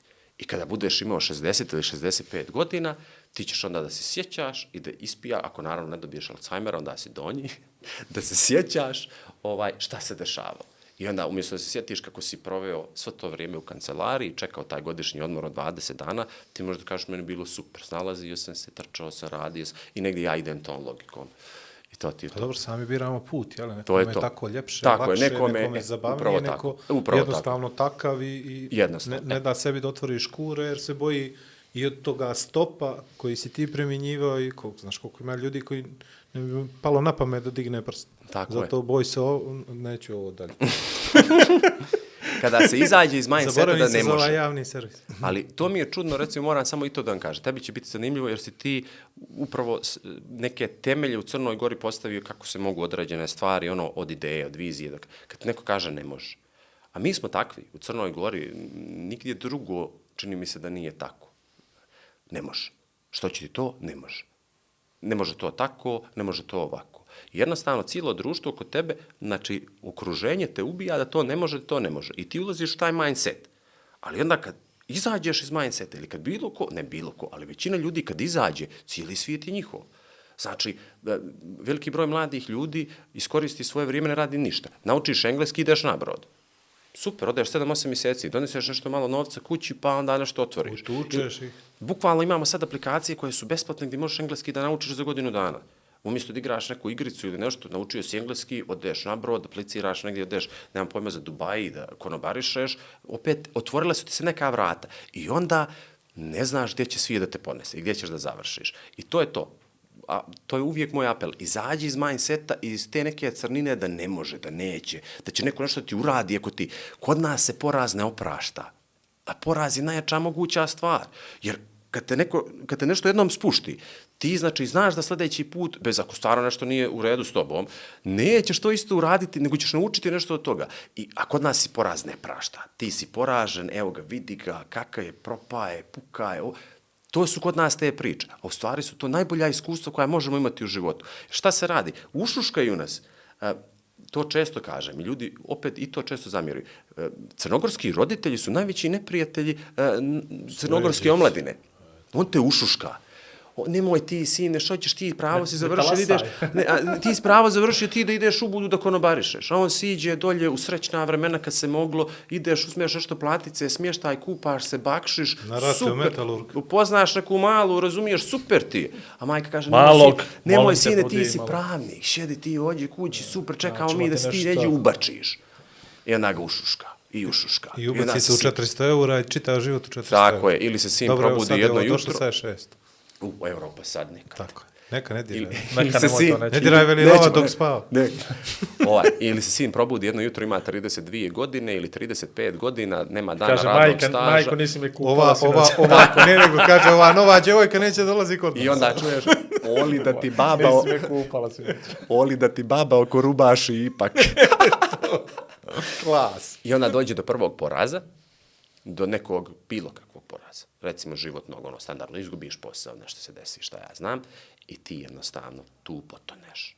Jer si izašao iz komfort zone na trenutak Ili se desi poraz, našao si posao u 32. i tako je. I onda Kuku se, meni, šta ću e, sad, ja? nemaš pojma kako da se snađeš, jer si izgubio 10-12 godina i tako dalje. I odjednom, znači, doživljavaš neki lični poraz i toneš. I tako, ja sam primijetio veliki broj ljudi nekako tako uđu u to, upravo zbog tog, te neke komfort zone uvijek ostanu. I da apel je, imaš 23-24 godine, uh, radi bilo šta legalno. Nebitno koji je posao. Jer taj će ti posao otvoriti vrata, upoznaćeš sistem. Ako odeš da konobarišeš, ti poslije godinu dana znaš sve o, o funkcionisanju toga. Ako odeš da radiš neđe na recepciji, izvježbaćeš jezik, upoznaćeš mnogo ljudi, stvorit ćeš, znači, moći ćeš da komuniciraš s njima, otvorit će ti vrata, pa ćeš sutra možda moći da radiš negdje kao menadžer ili u prodaji. Samo, znači, ljudi razmišljaju isto o plati. 300 eura, 400 eura. Za, za, za mlade ljude plata je, znači, imaginarni pojam. Svakako ćeš da je spališ ni na šta. Bilo šta raditi. Ja to svakome non stop pričam. Bilo šta. Kad ti se otvore bilo kakva vrata, otvori ih, uđi i vidi šta je tamo. Eto. Love. Lova. Ali vidi, sjećaš li se ti krokodila s Gorice? Sjećaš li se li, lipi E, grome moj? to su ono, pa kad je bila ona, jeli, e, kao lutkica, je li to Da, bilo? Ne, ne, bila nam je u kancelariju, nešto smo imali neko jesenje, zimsko čišćenje, ne znam gdje je trenutno. Neko imali smo čak jednu, pogrešno. jednu podcast epizodu, cijelu, možda mi kući završila, ne znam. Podcast epizodu cijelu smo imali posvećenu krokodilu s Gorice.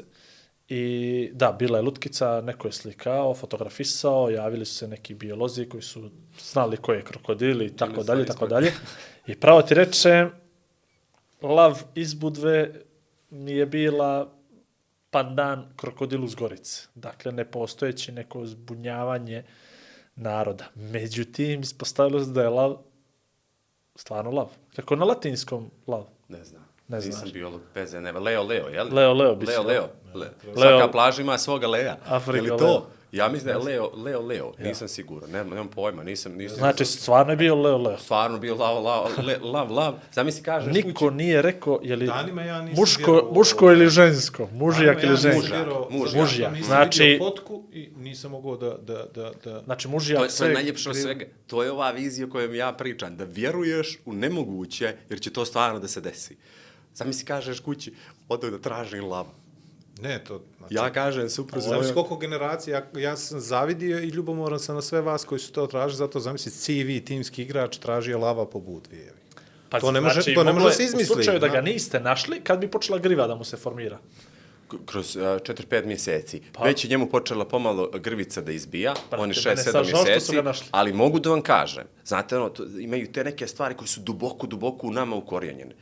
Kad rikne, slediš se sad, Da, čuo sam ga ja na onim snimcima. Slav da, se nije sledi, ne možeš da kontrolišeš, ti znaš da će on da rikne, vidiš ga da se sprema. I samo ti niz kičmu onaj led uh, siđe. Da je malo veći bio, bogom i teško da bismo ga tražili, da bi svi rekli, a pušti to, pušti ovaj, ovaj, Meni, sam, meni je od početka ta priča bila čudna da je neko uspio da prokrijumčari lava, da je lav ušao u Crnu Goru, da ga je neko držao, pa je, pa kažem, da ga je neko držao kući, pa da ga neko nije vidio, da ga neko nije locirao, da nekome nije bilo čudno što je lav lav. U kuću neku. U kuću neku, kao kućni ljubimac. Meni od početka ta priča nije pila vodu, što bi mi rekli, upravo iz tih razloga, zato što je bilo toliko nelogičnosti, kao da se nalaziš u nekoj free shop zoni na aerodromu, možda radiš šta hoćeš, može da se desi šta god hoćeš, i ono, ja se čak smatrao da je to najveći pad, možda crnogorski, posle svega ovoga što se izdešavalo, da niko ne odreaguje na tako nešto. E, kad si aktivista, ništa ti nije čudno. Jer jednostavno svaki je dan takav. Znate? Znači, ako se sjećate, moram da napravim malu digresiju. Kad je ona riba uh, u Čehotini pomrla, kad je neko slučajno odvrnuo ventil elektroprivrede, niko nije odgovarao za to. Niko nije odgovarao za nekih desetak ubijenih rijeka u Crnoj Gori. Potpuno mrtve suve, nema ih. Znači, nema ih. Niko nije odgovarao. Nema nadležnosti, nema institucija. I da ispričam ovu priču o lavu od samog početka, upravo ovo da bismo vidjeli kako je to išlo. Znači, pojavili su se neki klipovi na Instagramu i tako dalje po društvenim mrežama, gdje se ljudi igraju sa lavom. Znači, tagovali su se, sve to. Jednostavno, lav je tu u Crnoj Gori. Svi ga vide, evo ga ima ga neko tu, okej, nema problema. To su hiljade i desetine hiljada pregleda. Agencija to, neko je poslao agenciji zaštitu životne sredine, oni su to prosjedili ekološkoj inspekciji, poslije je zvali, molili, ajde da vidimo gdje i tako dalje. Ekološka inspekcija nije reagovala, to je njihova nadležnost da ispitaju. I odjedno samo čitamo naslov, u lavu, u budi pobjegao lav. Dobro. Ko je prija... Kako, kako je... Kako se to desilo? Zna, znaš li? Došlo do toga ko je Ne, pobjegao? nemamo znaš. pojma. A znaš ko je vlasnik? gazda Ne, znači, ima uh, više speku, špekulacija, znači niko veze nema ni o čemu. Policija ne zna, ekološka inspekcija Dobro, ne samo zna. zbog gledalaca da kažemo da smo da ovo snimamo epizodu dan nakon što je Pronađen. pronađen lav. Tako. Kad će Jer možda se desi nešto Tako, nebitno. mo, je, tako da. među vremenu, E, jer u da. ovom trenutku to se ne zna. I svi neki napori i nas civilnih aktivista i NVO sektora i ovamo e, institucija bili su da se ta životinja pronađe. Jer odjednom, kao lav je pronađen i onda imamo priču, a, lav nije pronađen. I čak ja sve pratim. Zamislite kad ni to nisam ispratio, taj neki mali članak, lav u stvari nije pronađen. Mi smo svi vjerovali, ono, traži se lav u Markovićima, lav je pronađen i svi su mi to zaboravili. Međutim, dolje u Budvi ima par sjajnih uh, go, ljudi, uh, žena, koji su aktivisti za zaštitu, životnih, ži, za zaštitu životinja. One hrane napuštene pse i tako dalje i one počinju da kontaktiraju svakog okolo. Kažu ljudi, lav je na slobodi, znači šeta gore, gledaju ga ljudi i njima niko ne vjeruje. Niko. E, policija se smije na telefon, kao maniđe veze i tako dalje. Niko im ne vjeruje. I oni nekako dođu i do agencije, zaštitu životnu, životne sredine, dođu i do Centra za zaštitu i proučavanje ptica, dođu i do mene i mi kažemo ljudi, nemoguće da 15 ljudi priča, da čuju lava uveče na istom mjestu i tako dalje. Agencija kaže, ok, idemo svi zajedno da ga tražimo. I stvarno ima jedan sjajan lik sad direktor agencije, čovjek je vizionar, uh, trudi se tako, hoćemo li, pusti email, hoćemo, ajmo idemo da ga tražimo. U tom trenutku dolazimo u kontakt sa lovcima i dolazi lovac koji kaže ja sam ga sinoć vidio. Pa kako si ga vidio? Evo ovdje, ovdje vidiš klip. I vadi klip i čuješ ga kako riče. Ne možete, Rika Lava ne može da se pomiješa sa lisicom ili sa šakalom i tako dalje. Poslije toga dolazi čovjek, ja sam ga vidio, neću pričam o tome, svi mi se kao smiju. I priča njegova majka. On ga kaže hranio kobasicom sinoć. Davo mu je tu kobasicu, da je, kako gospod, da nije pas. Nije, kaže, lav 100%. I onda su došli lovci i ovaj, kako se zove, otirali ga sa kerovima, on je otišao gore pa vam.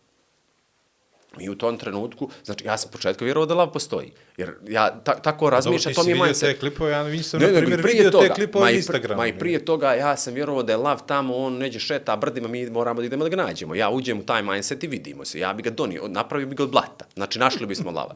I sad, i dalje se pitaju ljudi, ajmo da ostanemo, tražimo resurse, termalne kamere, vatrogasci dolazi, policija, lovci, svi se uključuju u potragu. Idemo da ga tražimo, volonteri i tako dalje, nađemo mi izmet. Sve gore brda, ovakav teren. Znači, Kako, voza- kako znate gdje da idete? Ono je... tražili su ga, jer sva ta svjedočenja ti filtriraš. Znači, bukvalno kao na, na filmu. Policija zajedno sa nama i tako kupimo svjedočenja, zovu sami ljudi i ti bukvalno na mapi e, zamišljaš tačkice gdje su prijavljena ta viđenja i ti vidiš da je to sve skoncentrisano u tom jednom dijelu ispod ovog jednog, ispod ove jedne crkve i to je to jedno brdo. I tu ga je hranio čovjek i on tu silazio i tu je gleda, našli su ga kod kuća i tako gledale ga aktivistkinje i jednostavno mi znamo da je on negdje u tom potezu. I Idemo da ga tražimo. Tražimo ga, penjemo se, nađemo izmet. I onda sad tu nas deset, gledamo izmet, je li, nije li, dolaze biolozi, ovaj, kaže Aco iz Cezi, pa ja sam, kaže, doktor za međe, da nije sam za lavove. Onda smo zvali, to su, oni su zvali ove iz uh, Kosova, uh, stručnjake za divlje mačke, oni su odmah krenuli. Znači, znači kako je to nevjerojatna stvar? Ej, ovo je pobjegala lavo budvi, oni u Prištini, ljudi koji su, jedan je doktorirao u Njemačkoj na lavovima. Evo nas stižemo i oni se pakuju, dolaze u budu da nam, pomogne, da vam pomognu da tražimo lava. Znači, mi nemamo snimak lava u divljini, ali imamo urlik. Znači, nemamo, ne vidimo ga, on se čuje šume.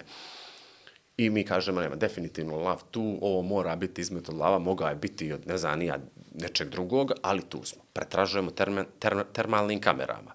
Jedna agencija, jedna GSS-a, tražimo u sred bijela dana, okružujemo planinu, pada mrak, kreće zima, tu prvu noć uh, uh, pretrage, ne možemo da ga nađemo. Vidimo lisice. Je li ili lisica? Moramo, nije, malo je. Vidimo šakale. To jest, vidimo ih i čujemo ih. I onda čujemo još jednoga. Nema lava. Čudo mi je neko rekao da ima šakal iznad budve. Ima, ima, Čuju se, čuju ima se. njih, čuju Jel? se, aha, šakal. Što bi rekli grbljani čagalji. I kaže, ovaj jedan gospodin policajac, ajde kaže mi da prođemo s ove druge strane, brde dolje je potok i to da mi vidimo možemo li ga naći s termalnom s ove druge strane. Ostala nam još jedna baterija. Četiri baterije ima ovaj pak, nevjerovatan termalni dron, znači baš ono se prepaneš kako je dobro oprema, kao ove vaše kamere. Ali Top su. naše kamere su Mi smo za sledeći dan planirali da iz uprave policije u Podgorici ovdje tražimo vozilu termalnu kameru. To je nevjerojatno, nismo znali da postoji, možeš cijelo brdo da vidiš i da ga snimiš. Nisam znao da mi imamo takvu tehnologiju u Crnoj Gori. ni oni znali. Mi smo već krenuli. Samo za proteste. Mi već krenuli. Zamisli, to, to, to, to. protestanta u parku da mu Pataj, pataj, snima. Mi već krenuli da zovemo da, da zapomažemo, ajde dajte, nikad nećemo ovako. I dok se mi spuštamo, pratimo ih sa auto, naš četvorica, dva policajca i e, ovaj pilot drona iz agencije i ja, zvoni telefon policajcu, kaže, evo su ga našli. Šta našli? Kaže, zove ova žena, iza kuće nešto šuška. Šuš. Evo nas, dolazimo, tu spali rotacija, idemo gore, parkiramo se pre kuće, jes, evo ga, iza, čula sam ovako malo ubrdo kuće, iza neka šipraga. Mi tamo osluškujemo, kad čuješ, evo ga, znači mi svi smrzli, ne možemo, jer su ga našli, tu ima neki zid i nešto, ja rekao da ga okružimo, jer su oni rekli da je on navikao na ljude, jer je bio kućni ljubimac i tako dalje, pa možda ono da ga Pa ga smirimo, hraniš, dok pa- dođu vatrogasci, da, mu, da ga nabavimo, imali smo nešto hrane, Među vremenu, ovaj kolega iz agencije diže drona termalnoga da vidimo, ovaj, da prepoznamo šta je, ali mi ga okružujemo isto vrijeme. Mi polako se šunjamo, polako. Kad divlja svinja groknu i puni gas, znači jedno 70-80 kila metar od nas. Znači ti izbačaš u stranu, ja mislim da sam na olimpijadu bio, znači 100% zlato osvajam. Koliko u stranu Znači, zlato. Zlato osvajam. To je jedan i po, dva I šta ujutro. veli divlja svinja? Divlja Jeste svinja. noćas Ona, našli? znaš kako je groknula? Znači, to je puklo. Znači, u tom trenutku ja sam mislio neko nas je digao u vazduh. Ona je groknula i puni gas. Ne znam, probao sam, brate. Ja ću nija mi Čekam zaglavi sinus. da, da mi klapna ne pane. Imao sam osjećaj, ta energija koja je bila usmjerena, znači to, to vjetar kao fića na tebe da je krenula, znači ono da te spršti. Kaže ovaj kolega, znači bježmo odavde, idemo da spavamo, ovo je kraj, znači nema ga večeras. I u dva ste odustali već. Pa mi nijesmo, mi jesmo, ta naša ekipa, jer smo mi bili tu ujutro od 10 sati, Aha. ne možeš više da stojiš, sve Da. te, ono, boli zima već, ali ostala ekipa. Ali lav je noćna životinja, mislim. realno, Jeste, i mi smo išli na to. Oni obično dolazi, oni su ga uh, vidjeli oko 7-8 sati svaku noć, u predvečeri bi se on spuštao. Međutim, nijesmo oko 7-8 uspjeli da ga vidimo i ajde ono, kao ostali su gore da osluškuju na više pozicija iz Centra zaštitu i pručavanje ptica i policajci i lovci i tako dalje, tako da je teren bio pokriven cijelu noć. Otišli kući, istuširali se, ujutro krenuli i jedan uh, policajac koji je bio s nama noć prije toga, Božo Zec, i Zec uhvati lava. Nađe ga. Znači, locira ga, A tu noć kad ste vi pošli da spavate? Sljedeći dan. Aha, sljedeći oko dan. tipa 11 i po, 12 i po sati je bilo.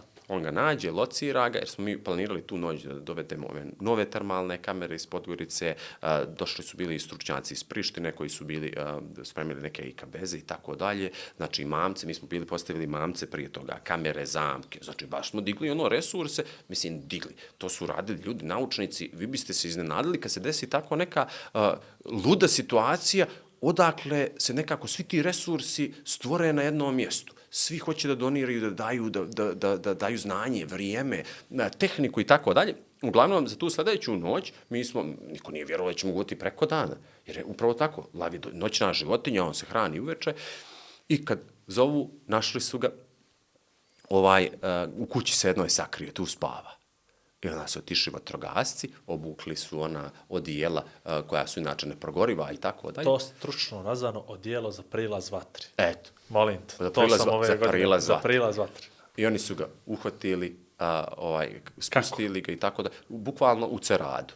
Bila jedna stolica i jedna cerada i oni su stolicom kao ono, bukvalno poput cirkusa krenuli da ga satjeraju u ćošak, onda su bacili ceradu pre- preko njega i to je. Najveći je strah svih nas bio da ćemo morati da iskoristimo a, pušku sa sedativima. Prvo, što ti sedativi koje smo imali bili su djelimično adekvatni, preporučljivi, ali i nepreporučljivi. A drugo, niko nije znao kako lav tačno izgleda. Neko Ni kaže... koliki je. Pazi, neko kaže, lav ima 80 kila. Zašto je 80 kila?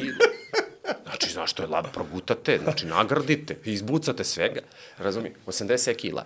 Neko kaže između 30 i 40, neko između 40 i 50, a sedativi su vrlo nezgodni, zato što moraš tačno na kilažu da ga određeš. A onda polako počinju sledeći dan, sledeći jutro da dolaze ljudi, ome je nastalo 10 zečeva. Nešto mu je potamanilo, takva priča počinje. 10 zečeva. Ovaj kaže, nešto mu pojelo pola psa, dođite da vidite, ti pođeš tamo, ni psa, ni ničega. Znači, mora veli da se vrati da je pojeo i ovu drugu polovinu. Znači, je li moguće odjednom lav, razumiješ, ljudožder, šta se ovo dešava, kontač?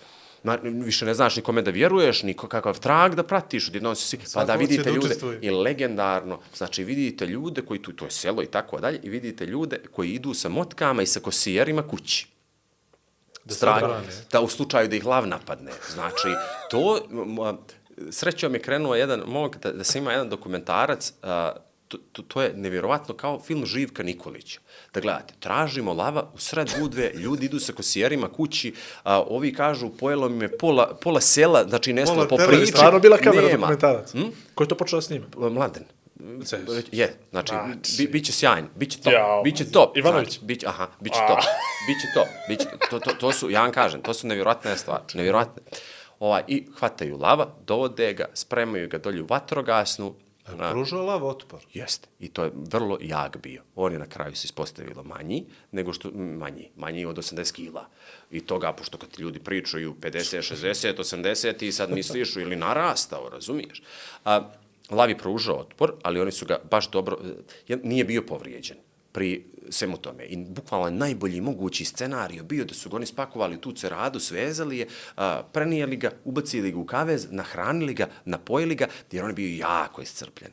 Znači, jako, jako iscrpljen bio, jer on mora dosta da jede dnevno, on je još mlad, nema masne naslage koje može da topi i tako dalje. I njemu, recimo, gore mu ne vidiš ništa, ali vidiš da mu je koža na stomaku bila potpuno ono, opuštila se i tako dalje. A, čak i povratio kad je pojeo ovu prvu konzervu skuše. Moraš, ali nas, pa makar na silu. To Moraš. Je bukvalno, bukvalno. Najeo se i onda kreće druga, druga faza. Druga faza je bila prevoz do Podgorice, u konvoju smo ga vozili, znači, e, pazite, Lav spava. Vozimo ga, vo, vozimo ga, ide konvoj, prati ga. Sad ti ne znaš, prvo što je skupa životinja, šta će da mu se desi, tu imate mene. Što znači skupa životinja? Ajde to, izvini. Pa, evo, procjene su neke da, da taj lav u ovom trenutku košta između 100 i 150 hiljada eura. Jel me zezaš? Evo, tako kažu stručnjaci. Pa doći evo ćemo da do toga, ali pitao- pazi, doći ćemo evo do da si me toga. pitao, ne bi mu dao preko pet. Pa, u, najjaču sam priču Maš zaboravio. kjera od 5000, nema me zezati. Pa dobro, znam, Albert. 11 i po uveče. Sad nas strah da ga krivolovci ne traže. Znači, strah, pa mi smo najviše, najviše smo ostali svi gore i bili Neko tu, da, da neko ne ode, upravo tako da ga za trofej, uh, ono, što bi se reklo, kurtališe. Kakva priča, druže, Zna- cijeli pa život ne ima. znaš, jer jedan noć prije toga once in a lifetime. 20-30 kerova bilo gore u planini i tako dalje, jurili su ga, ne znaš. I Možeš misliti među kerovima priču, šta jurimo noći, 11 slava čuti. 11, 11 i po sati mi kod auta, to cijelo brdo ispred nas i mi vidimo lampe gore u sred šume, opet ovaka strančuga. Jel moguće da je ovo neko u šumi? Sad mi nijesmo naoružani, oni su naoružani, ovaj dić rekao, šušnućeš gore, pa će paliti, ode ti preseli, razumiješ, nemate. Završi na dnevnik. Te mi lampe na glavu, da odemo gore, da ih tražimo, da vidimo o čemu se radi. I sad ti počinješ, iako nam je to bilo baš loše, ali ne smiješ, znači, te lovačke nezgode su vrlo česte u, u Crnoj Gori i svuda. Sad mi počinjemo vičemo, e, e, da, plašit ćeš lava, ali ćeš sebi živo spasiti. Kad čuješ, evo nas, evo nas silazimo. Kad tri momčića po 17-18 godina patike, onako normalno i to, monci, šta ćete u sred šume? Oni došli, znate li, kroz kakav nepristupačni teren su prošli? Veli, mi smo čuli da je nagrada 50.000 eura i krenuli smo, tražimo lava. Šta to veliš? Evo, silazi vamo, izlazi na put. Izlazi na put odmah, znači u patikice, da padne, nema, gubi život. To ti neko bio proš, prosuo priču da je od 10 do 50 hiljada nagrada i dečki su te pokupili iz budve i pješke otišli oni da ga tražu. 11 i pol. Proaktivni, kad smo već kod aktivizma. Ludilo. Da se vratimo, da se vratimo na konvoj, mi u konvoj, vozimo ga i stavimo svako 15 minuta da ima mu dobro, da mu nije pozlilo ili žedan, razumiješ? Svaki Kao put kad mi osjećanicu otvorimo, kad povraćam, kad sam bio mali Pa, kotor ono. Sveti Stasije, Nikšić je... pegla. Nije mi veli do života, nemoj tamo. Isto kao ja nažablja kad me neko drugi vozi, E, pa to, oni to, poslije to. šarnik. Ovaj, otvaram mu svako 15 minuta da vidimo da malo uđe vazduha, razumiješ, ma, znači voziš nevjerovatan ter, znači ne možete da vjerujete da smo mi uotili lava, da je on uopšte uhvaćen. A, pa ga malo nahraniš i to, idemo u Podgoricu da ga smjestimo. Dolazimo mi u Podgoricu, tamo ne daju da se snima. Uglavnom, izvini, svaki put kad otvorite, leži, jel? leži, a onda pogledate ljut i onda rikne. A svaki put kad rikne, mi se smrznemo i kao, evo, dobro mu je nastavljamo, razumije? Pušti ga tu pet minuta, malo da ono da se laverti i idemo. Trebalo nam jedno dva sata do Podgorice. Sve smo tako polako da on što manje ovaj, strpi, smjestili ga tamo, nijesu dali da se snima ovaj, eh, njegov taj smještaj i to, to je tek nevjerovatna priča. Eh, Žao mi je što to nije zapisano. Jedna veterinarska tehničarka, Dragana, apsolutna legenda, rekao sam i juče da je ona moj heroj. E, Ne možemo da skontamo kako da ga izvučemo iz kaveze, da to najbolje bude za njega, da nam ne skoči, jer oni pričaju da on skače po 2, 2,5 metra. Mora neko da mu napravi polugu da ga ubaci. Jedna ovako sjajna, sjajna žena, metar i 60, uzima onu za, za vrat, stavlja, otvara, sama, vadi ga, ubaca ga u kave, svo vrijeme te, pa ajde, radovane, ono s nama, ubaca ga, on krene, znači nije omiran, nego se bacaka, izuzetno jaka životinja, ubaci ga, zatvori, ono, zaključa i kao ono, e, mi svi sledili, znači, Znate vi kolike, njemu je, njemu je ovaj, očnjak ovoliki, a kanđe, znači ovako kao moja ruka. A, veli, a ništa, veli, ja svaki dan sa kangalima ovako, veli, 80, 70, 80 kila, ovo je lav, veli, nema u njega šta ima kesa meza. Ubacimo ga i onda sad počinje kako da zaštitimo lava. Razumiješ? Mora obezbeđenje tu da ga prati. Kad pa- reče 150.000 kapira. Razumijete? Kapira. 100-150 hiljada, svi ono otprilike znaju gdje je, šta ćemo sad, kako ćemo ovo, ono, moli policiju da šalje obezbeđenje, policija šalje patrolu, pa onda apsolutno obezbeđenje, pa jurnjava da se zaštiti, pa onda osoba koja će da ga hrani, da nam ga ko, razumiješ, ne oture, da mu da nešto što ne treba, piletinu ovu, razumiješ, s antibioticima i to nikako to, znači i samo junetina i to mekšina, Organski najbolje je za krtol lava, razumiješ? Ima li ime? Mm, Pa evo, svi ga zovu Simba, pa da ga zovemo i mi Simba, razumiješ? Ima strašna montaža tvoja. Lava. E, kuku, znači šta rade ljudi. Je, ima baš dobra montaža. I ovaj, spasimo, ode da se spava i onda kreće ovaj sledeći da mu nađemo neki drugi smještaj, već smo imali par sastanaka, onda a, tražimo da, da vidimo kako ćemo, ne, već imamo svi negdje saglasnosti sa nadležnima da nećemo da ga a, po zoološkim Zoološki vrtovima, vrtovi. nego da ga smjestimo negdje dolje u, u, u Južnu Afriku ili u Tanzaniju, već imamo ostvarane kontakte sa nekim ovim prihvatilištima, sa nekim internacionalnim organizacijama. Super je priča da sad sva ta papirologija i nadležni da se završi, da se on vakciniše i tako dalje i da završi na nekom mjestu, jer on se nikad više ne može vratiti u prirodu. Nikad. Nikad. On se može vratiti tako u neka prihvatilišta, To sad- ali u njemu ja je pričam, oteto. To sad razmišljam o tome da on, u stvari, on nema pojma šta se dešava. Tako je. Obično lavovi do druge godine žive sa majkama, oni ih uče kako love, kako se snalazi Tako u prirodi i tako dalje, tako dalje. On je to propustio i on nikad više ne može da podigla. I to je upravo ono što je tužno pri krijumčarenju životinja. Ovo sve što je sada odrađeno, evo sad malo se ja i šalim i tako dalje, jer je stvarno zanimljiva priča, mislim, naši smo lava, ali ovo je, e, isplivali su na površinu problemi, e, stalno ispliva neki problem, ali sad isplivao problem krijumčarenja životinja. U svijetu je, zavisi koje podatke koristite, između trećeg i petog mjesta a, po ilegalnoj aktivnosti, po protoku novca, krimčarenje životinja. Znači, na prvom mjestu droga, jel? Droga, ljudi, Ljudi, a, oružje, a, četvrto onda su cigari ili e, životinje. Dobro, cigari, kod nas naši životinje E. pet, okej, dobro. Otprilike je tako. Uh, prije samo par nedelja dvije kornjače iz Afri, afričke ostrogaste kornjače. Oni imaju po 50 kila. Nisu one male kornjače, nego one ovolike. Tu sad u Primjeničkom muzeju. U dva tipa, negdje gore na Ribarevinama, otvorili dva auta i prebaci kornjače iz jednog auta u drugu. Afričke olike. I srećan se tu našao jedan gospodin policajac, pitao im, on što to radite? Čije su te Evo, kornje? imaš ti papire za ovo. Žive. Razumiješ, žive, žive. E, oni su sad u Primjeničkom muzeju. Tu, tu im je privremeni smješta. Nemamo ih gdje drugu. Evo sad, recimo, koliko se, e, kako taj sistem, koliko je ovaj lav bio značajan za Crnu Goru da pokaže, recimo, taj, te falinke sistema, da mi nemamo prihvatilište u državnoj kontroli e, za životinje. Ti sad te korenče, e, oni su pod e, starateljstvom države, nemaš ih gdje. Ovoga lava nemamo gdje. Ne postoji mjesto gdje možeš da ga smjestiš. Neko ko pokuša da prošvercuje zmiju, nemaš ga gdje. A, kamile su pokušavali da švercuju. Emue, nilski konj je bio u Podgorici, sjećate li se toga? Dva bengalska tigra, oni su poslije uspavani i tako dalje. U Sutomoru. Sutomoru. E, ne znam šta ja rekao. E, Onda imate, nemam pojma, brojne neke tako situacije, egzotičnih ptica, pitona od po pet metara. I država kad to uzme, ona nema gdje s njima. A godinama se već traži da se nađe jedan prostor koji bi mogli da ih smiješta. I da, naravno, carina i policija proaktivno dje- djeluju na granici. Imamo problem što se uvozi u Crnu Goru, ali što se izvozi iz Crne Gore. Koliko zmija naših, recimo, samo... Znači, svi se mi naježimo, kažeš zmija, a, poskoko, ali one su značajne za živi svijet, za sve to. Znate li vi koliko se zmija izveze iz Crne Gore svake godine ilegalno? Pa ih možete naći po tržištu Evropske unije, da ih kupite sa Skadarskog jezera, žaba, kornjača, uh, jerebica, tetrijeba, znači čak dosta njih uh, uzmu pa trofeje, iznose pa se preparira i tako dalje. To je ogromno tržište. Ogromno, ogromno tržište i nekako država je to okej. Okay. Ono, nije ugrožen čovjek, uh, niko neće umrijeti zbog toga i tako dalje, a u stvari su ilegalne aktivnosti štete nekom. Evo, tome lavu je uništen život. Sad zavisi odakle on došao. Jesu li ga nekako prošicovali iz Afrike, od nekih zoloških vrtova regiona gdje možete da pročitate po raznim forumima priče da zološki vrtovi iz regiona prodaju životinje privatnim licima.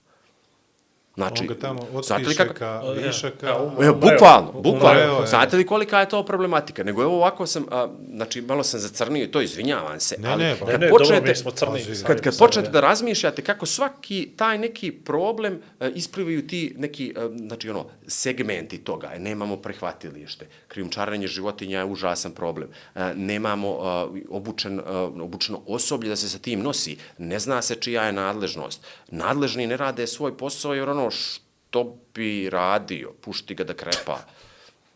Ono, imamo Ne, dva klana, pa nek se Ono, pobijaju. Ne talas. Pa ne, buku, e, bukvalno, bukvalno ta priča. to, to ne, je to. neka se oni između sebe riješe, nama super i žedi kući i pi nešto, razumije? Pa bukvalno, ja sam imao prilike da čujem gore kad raspravljaju ljudi, ono kao ono, najbolje bi bilo da ga ne nađemo, razumiješ? Ovo, jer ne znaš šta ćeš s njim. Znate? I onda imaš hiljade takvih problema za neke druge stvari i onda umjesto mi da riješimo to sad, I zato kažem, ovo oko lava je bilo izuzetno, zato što će sad da se stvara konstantan pritisak na javnosti. Prvo, šta će biti s njim, šta će biti s ostalim životinjama. Šta recimo da nam završi jedan par mungosa, bilo gdje u Crnu Goru, u, u životnu sredinu. Kao što to imate situaciju na nekim hrvatskim ostrvima Ostrvima, i onda dođe i opuvati sve. Znači, invazivna vrsta. U Australiji imaš invazivne vrste, do, doveli su divlje psa dingosa i sada, znači, imaš mreže za njih, za zečeve. Znači, ja ne znam, to, to ne zna baš puno ljudi. Australija je cijela, preko cijelog kontinenta, pričamo o hiljadama kilometara. Imaš mreže koje je fizička prepreka, ima Great Dingo Fence i Great Rabbit Fence. Znači, preko cijele teritorije kontinenta, zato što su te invazivne vrste toliko namnožile, jer nemaju predatora, imaju 4 miliona mačaka ovih uh, pitomih koje su podivljale i sad potamaniše sve. 4 miliona mačaka, uh, 800 hiljada kamila, ima u pustinji. Oni moraju da ubiju po 200 300 e, hiljada na ono petogodišnji period jer se namnožavaju, nemaju predatora, jer popiše aboriđinima vodu, onda aboriđini umiru. Znate li kakve su priče? Imate klipove iz helikoptera ide i ubija kamile. Znači, koliko su osjetljivi ekosistemi i da ti neka ta životinja koja može da se tu adaptira, pobigne, to ti je kraj. Poslije nemaš nazad, uništiti sve. Eto, Koliki su tu problemi? A mi ono kao ono lav pobiga, sprnje, ovo, ono, Tirana to je... Znači, Skoro znači veći problem bi napravili mungusi nego poslanici, na primjer u Crnu Goru. A nemoj me tu. Ne, Čekaj, polako a nemoj, a nemoj, polako. nemoj me tu. Ovaj, malo ko može da napravi. Recimo, evo, niste imali reakciju. Ovo, recimo, konkretno ta politička situacija u ovom trenutku, pa ću samo tu da se osvrnem, niste imali reakciju političkih partija, poslanika i tako dalje. A to je problem. Eto, neću više o tome. Žao. To neću, neću, ne. Ali dobro, dobro, dobro, saglasni smo. Jesmo mi, nemamo mi Ne, ono što ja hoću, ja, ono što ja hoću da kažem u stvari, s, s, pokazalo se gradacija problema i nijansiranje problema kod ovog slučaja, odnosno, eto, može ovo sve kao indigo da se preslika na bilo šta na drugo. bilo šta, upravo tako. Ali s druge strane, opet, ja sam vidio nešto pozitivno, a to je negdje što si ti napisao na, na, na Facebooku, da kad mi nešto stvarno želimo da uradimo, kompletna zajednica se digne na noge, osim političkih partija, i završi posao. Ti si pominjao pojedince, volontere, policiju, vatrogasce, Tako aktiviste, zaštitu životinja, ovih, onih i tako dalje, ljude koji su čekali moment da mi nađemo, vi da nađete lava, da mi budemo srećni što smo spasili Tako je. životinju. A Da. tako bi sutra uradili i za ljude i za, i za bilo šta. To znači da ovdje ima još uvijek spasa nekoga. I, ima nade, ima vjere, ima taj moment koji nas okuplja. Jer može to da bude češće i frekventnije nego baš mora lav. Ne znam. Empatija nije nešto što nedostaje. Ona se samo kod nas ne vidi ili joj se ne poklanja dovoljno pažnje. Ali ako pogledate, ima tih primjera. Loš glas mnogo dalje putuje i mnogo duže ostane. Taj dobar nekako dođe, imate onaj pik i onda splasne. Sjećate se recimo, imali smo onu situaciju kad, kad je onaj mali Ogi pa, pa se digla cijela Podgorica. Imamo situaciju, stalno liječimo djecu SMS porukama. Imamo stalno neke humanitarne akcije koje ono bukvalno eksplodiraju. Čak i kad su bile poplave ove u regionu, tad smo Tako ono je, pokazali zemljotresi, stvarno, poplave, da. pa, znači kad je bila Albanija, išli su ljudi odavde isto u zemljotresi u Albaniji, poplave Srbija, u Srbiji. Bosna i Hercegovina. Tako je, znači imamo izraženu empatiju. Ona traje kratko, Je li ona, ali je li ona suđe prisutna? Evo, bio si po svijetu. Ima li toga svugda ili mi se nešto previše dičimo tim? Tamo Mi smo- sistem rešava posao, mi Da. ovdje moramo Jeste. kroz empatiju. Jeste. E, Pa, vrlo slično, vrlo slično, ali Balkan je veoma poseban. Ja sam ono i u Sloveniji. Tamo kad odemo pa ono kažu e, vrlo je teško kad kažeš da si iz Crne Gore, jer ono većina ne zna, pa onda ti natucaš, ja neću reći sad da sam nemam pojma Hrvat ili Bosanac, ili to ja kažem Jugosloven. I ono svi, a Jugoslaviji. I to je taj naš neki balkanski mentalitet, izražena tvrdoglavost, mi sve znamo, najjači smo na svijetu, ali u nevolji, znači prvo će onda ti Nemaš boljeg druga. ne, sigurno. Umijem ja dozim, ja ne, nisam sigurno. probao, A svuda sigurno. sam nas nalazio. Svuda sam nas... Nas i Njemce. Znači, na, Njemac je svuda. Ideš i pješačiš, nije ti do života. Znači, nije do života, nemam vode. Znači, samo da mi je da nađem, neđe, znači, dva dana idemo. Ja se zeznem, odem pogrešnim putem i gore kao neka napuštena koliba, znači, u sred atlas planine. Potpuno se izgubi. Ja otvaram, unutra go, Njemac leži. Ja rekao, šta je ovo? Do, ja rekao, dobar dan. Ali mi Njemci svuda na svijetu, po Africi, hamburgerđinice drže naše ljudi. Znači, banjeluški ćevap, gdje god hoćeš i tako dalje, ali taj mentalitet, ta empatija, mislim da je kod nas najizraženija. Ne znam je li e, zato što je lakše da se mi skontamo, da komuniciramo, pričamo istim jezikom ili možda ja imam neki pogrešan utisak, ali to je kod nas baš izraženo. I onda na zapadu i nije toliko zbog toga što svaki svoga posla. Svaki ima neku svoju muku i za njega je ta muka najveća. A negdje kod nas, e, to sam isto primijetio, kad imaš neku svoju muku, a neko ima veću muku od tebe, ima i onih slučajeva kada hoćeš mu da mu dodaš dodaš. E, ima tih slučajeva. Ali nekako, vidio sam da kad pomogneš tom nekome, ti se bolje osjećaš. I ti upravo je ta empatija nešto oko čega svi trebamo da radimo u Crnoj Gori. Znači, vama ovo nije nužda. Meni nije nužda da radim neke druge stvari, ali vi ćete ovim učiniti lijepo jer će neko da sjedne pa će da pogleda ili nemam pojma, ja ću nekome da podignem svijest o nečemu pa će onda kaže ok, ja ću nešto uradim. Nije nužda, ali i to je empatija na svoj vrsan način. I kod nas u Crnoj Gori nam negdje fali da se, ja nemam nekako prostora, čini mi se. Toliko sam negdje suda da, da, da baš tam uh, to, em, to empatiji, tom osjećanju uh, više prostora. Uh, zato ono, apelujem na sve da to rade, jer stvarno ima dobrih ljudi, dobrih priča. Uh, dobri smo jedni prema drugima, ali nas politika nagradi. Bra, bratu, oči zbog politike. To je za mene neshvatljivo. Znači, nikad nas nije to smetalo u nekim akcijama odbrane, recimo, nečega. Juče, isto, prekriče za lava, mislite li vide, ko koga pitao iz koje organi... partije? Ma ne samo partije, iz koje si organizacije tu, ljudi, znači, mi ono, dijelimo istu muku, padne mrak, pa ti zima, ono, sjediš, svi ćutiš i rasluškuješ i tako da. Mislite je pitao ko koga šta? Pričaš nekim normalnim stvarima, o povećanju plata, o smanjenju, kakav je život i tako dalje. Na ovim odbranama na rijekama, Znači, tu su padale zakletve, poslije dvije, tri boce ovaj, rakije i tako dalje, tu su padale zakletve, nije bitno koje, naj, propričali su najljući neprijatelji, familijarni, oni kažu gore, duguju krv jedni drugima radi odbrane rijeke. Znate li vi koliko nas ta ekologija, recimo, spaja? Kad Čika Božo na Bukovici priča kako ih je Bukovica održala. I sad naš, naš 40 tu gori vatra, ono pomalo pada kiša, provjerava neki maj i on priča kako su prvi svjetski rat a, preživjeli od ribe od Bukovice.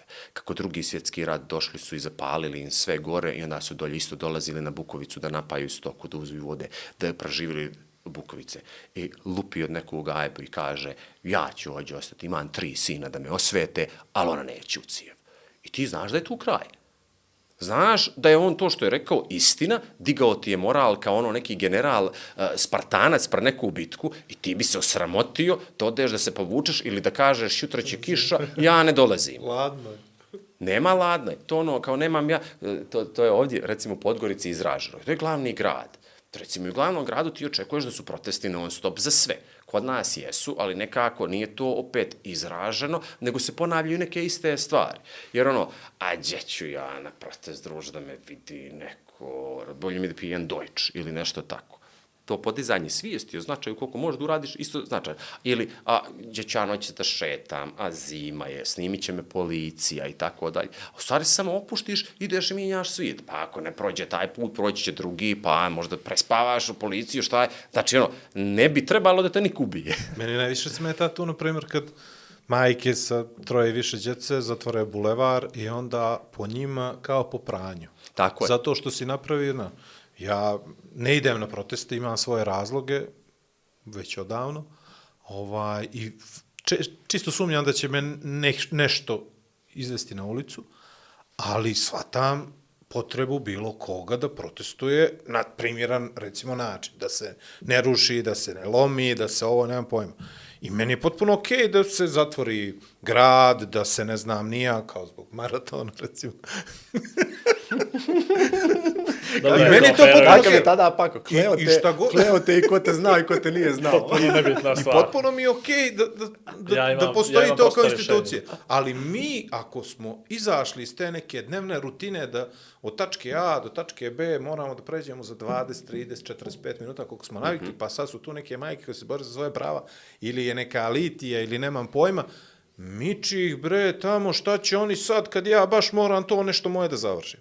Meni ta, imam osjećaj da se ta svijest ne može nikako promijeniti zato što smo postali nešto što ne bih da izgovori na javnom servisu, a kapirate o čemu pričam. A bi, a bi u podcastu Znači, izgovori, jel? Na YouTube, da. bi, jel? A bi, da vratim jel? na ovaj način, bit će Da. ti ovo zanimljivo. Gledate često ne proteste po Belgiji, po Francuskoj, kad gori pola grada. To su, A to su ono, besposličari tamo. E, e, ali kad recimo crveni, oni žuti prstuci su u Francuskoj, gore ovaj Pariz, gorili su ostali gradovi danima. Evo u Belgiji sad ovi protesti protiv a, ovih e, covid mjera i tako dalje, gori cijeli grad. Kad je kod nas gorio grad? Pa dobro, vidi, U- u- ovaj, ne bi prizivao. Evo, Ne ne, bi evo, ni ja, prizivam. znači, ne- zašto, mi- zašto pričam? Zašto pričam o ovome? Znači, jednostavno imamo tu kulturu i tu razvijenu svijest da nema rušilačkog poriva. Razumijete? Nije akumulirana energija, kao što je recimo tamo. Ovo što si ti recimo rekao besposličari. Razumiješ? Ne, da ih ne nazivamo besposličari, ali ljudi koji imaju a, naboje velike negativne energije koje akumulišu kroz rušilački faktor. Kod nas se to nikad nije desilo da neko krene da pali grad, da lomi i tako dalje. Nije. Jer jednostavno imaš naboj, jer je tvoja misija tu veoma jasna. Znači, ti znaš zašto si na ulici. Nešto te vrijeđa. Možemo ja i ti da se slažemo, da, da smo saglasni ili da nijesmo oko toga, ali nešto te vrijeđa. A tamo, recimo, izlazi čovjek protiv COVID vjere, mjere, recimo, i iz tog razloga pali grad. Ali on je nezadovoljan nečim drugim i to je ono build up, negdje mu se nakupila frustracija. Kod nas toga nema i nikada nije rezultiralo. I to je, recimo, vrlo zanimljiva, da kažem, anomalija pri protestima u Crnoj Gori. A ovaj dio kojem ti pričaš, a vidi ovi blokiraju puteve, okej, okay, zaustavi, pridruži im se, ako nećeš, sačekaj, jer je to legitimno pravo.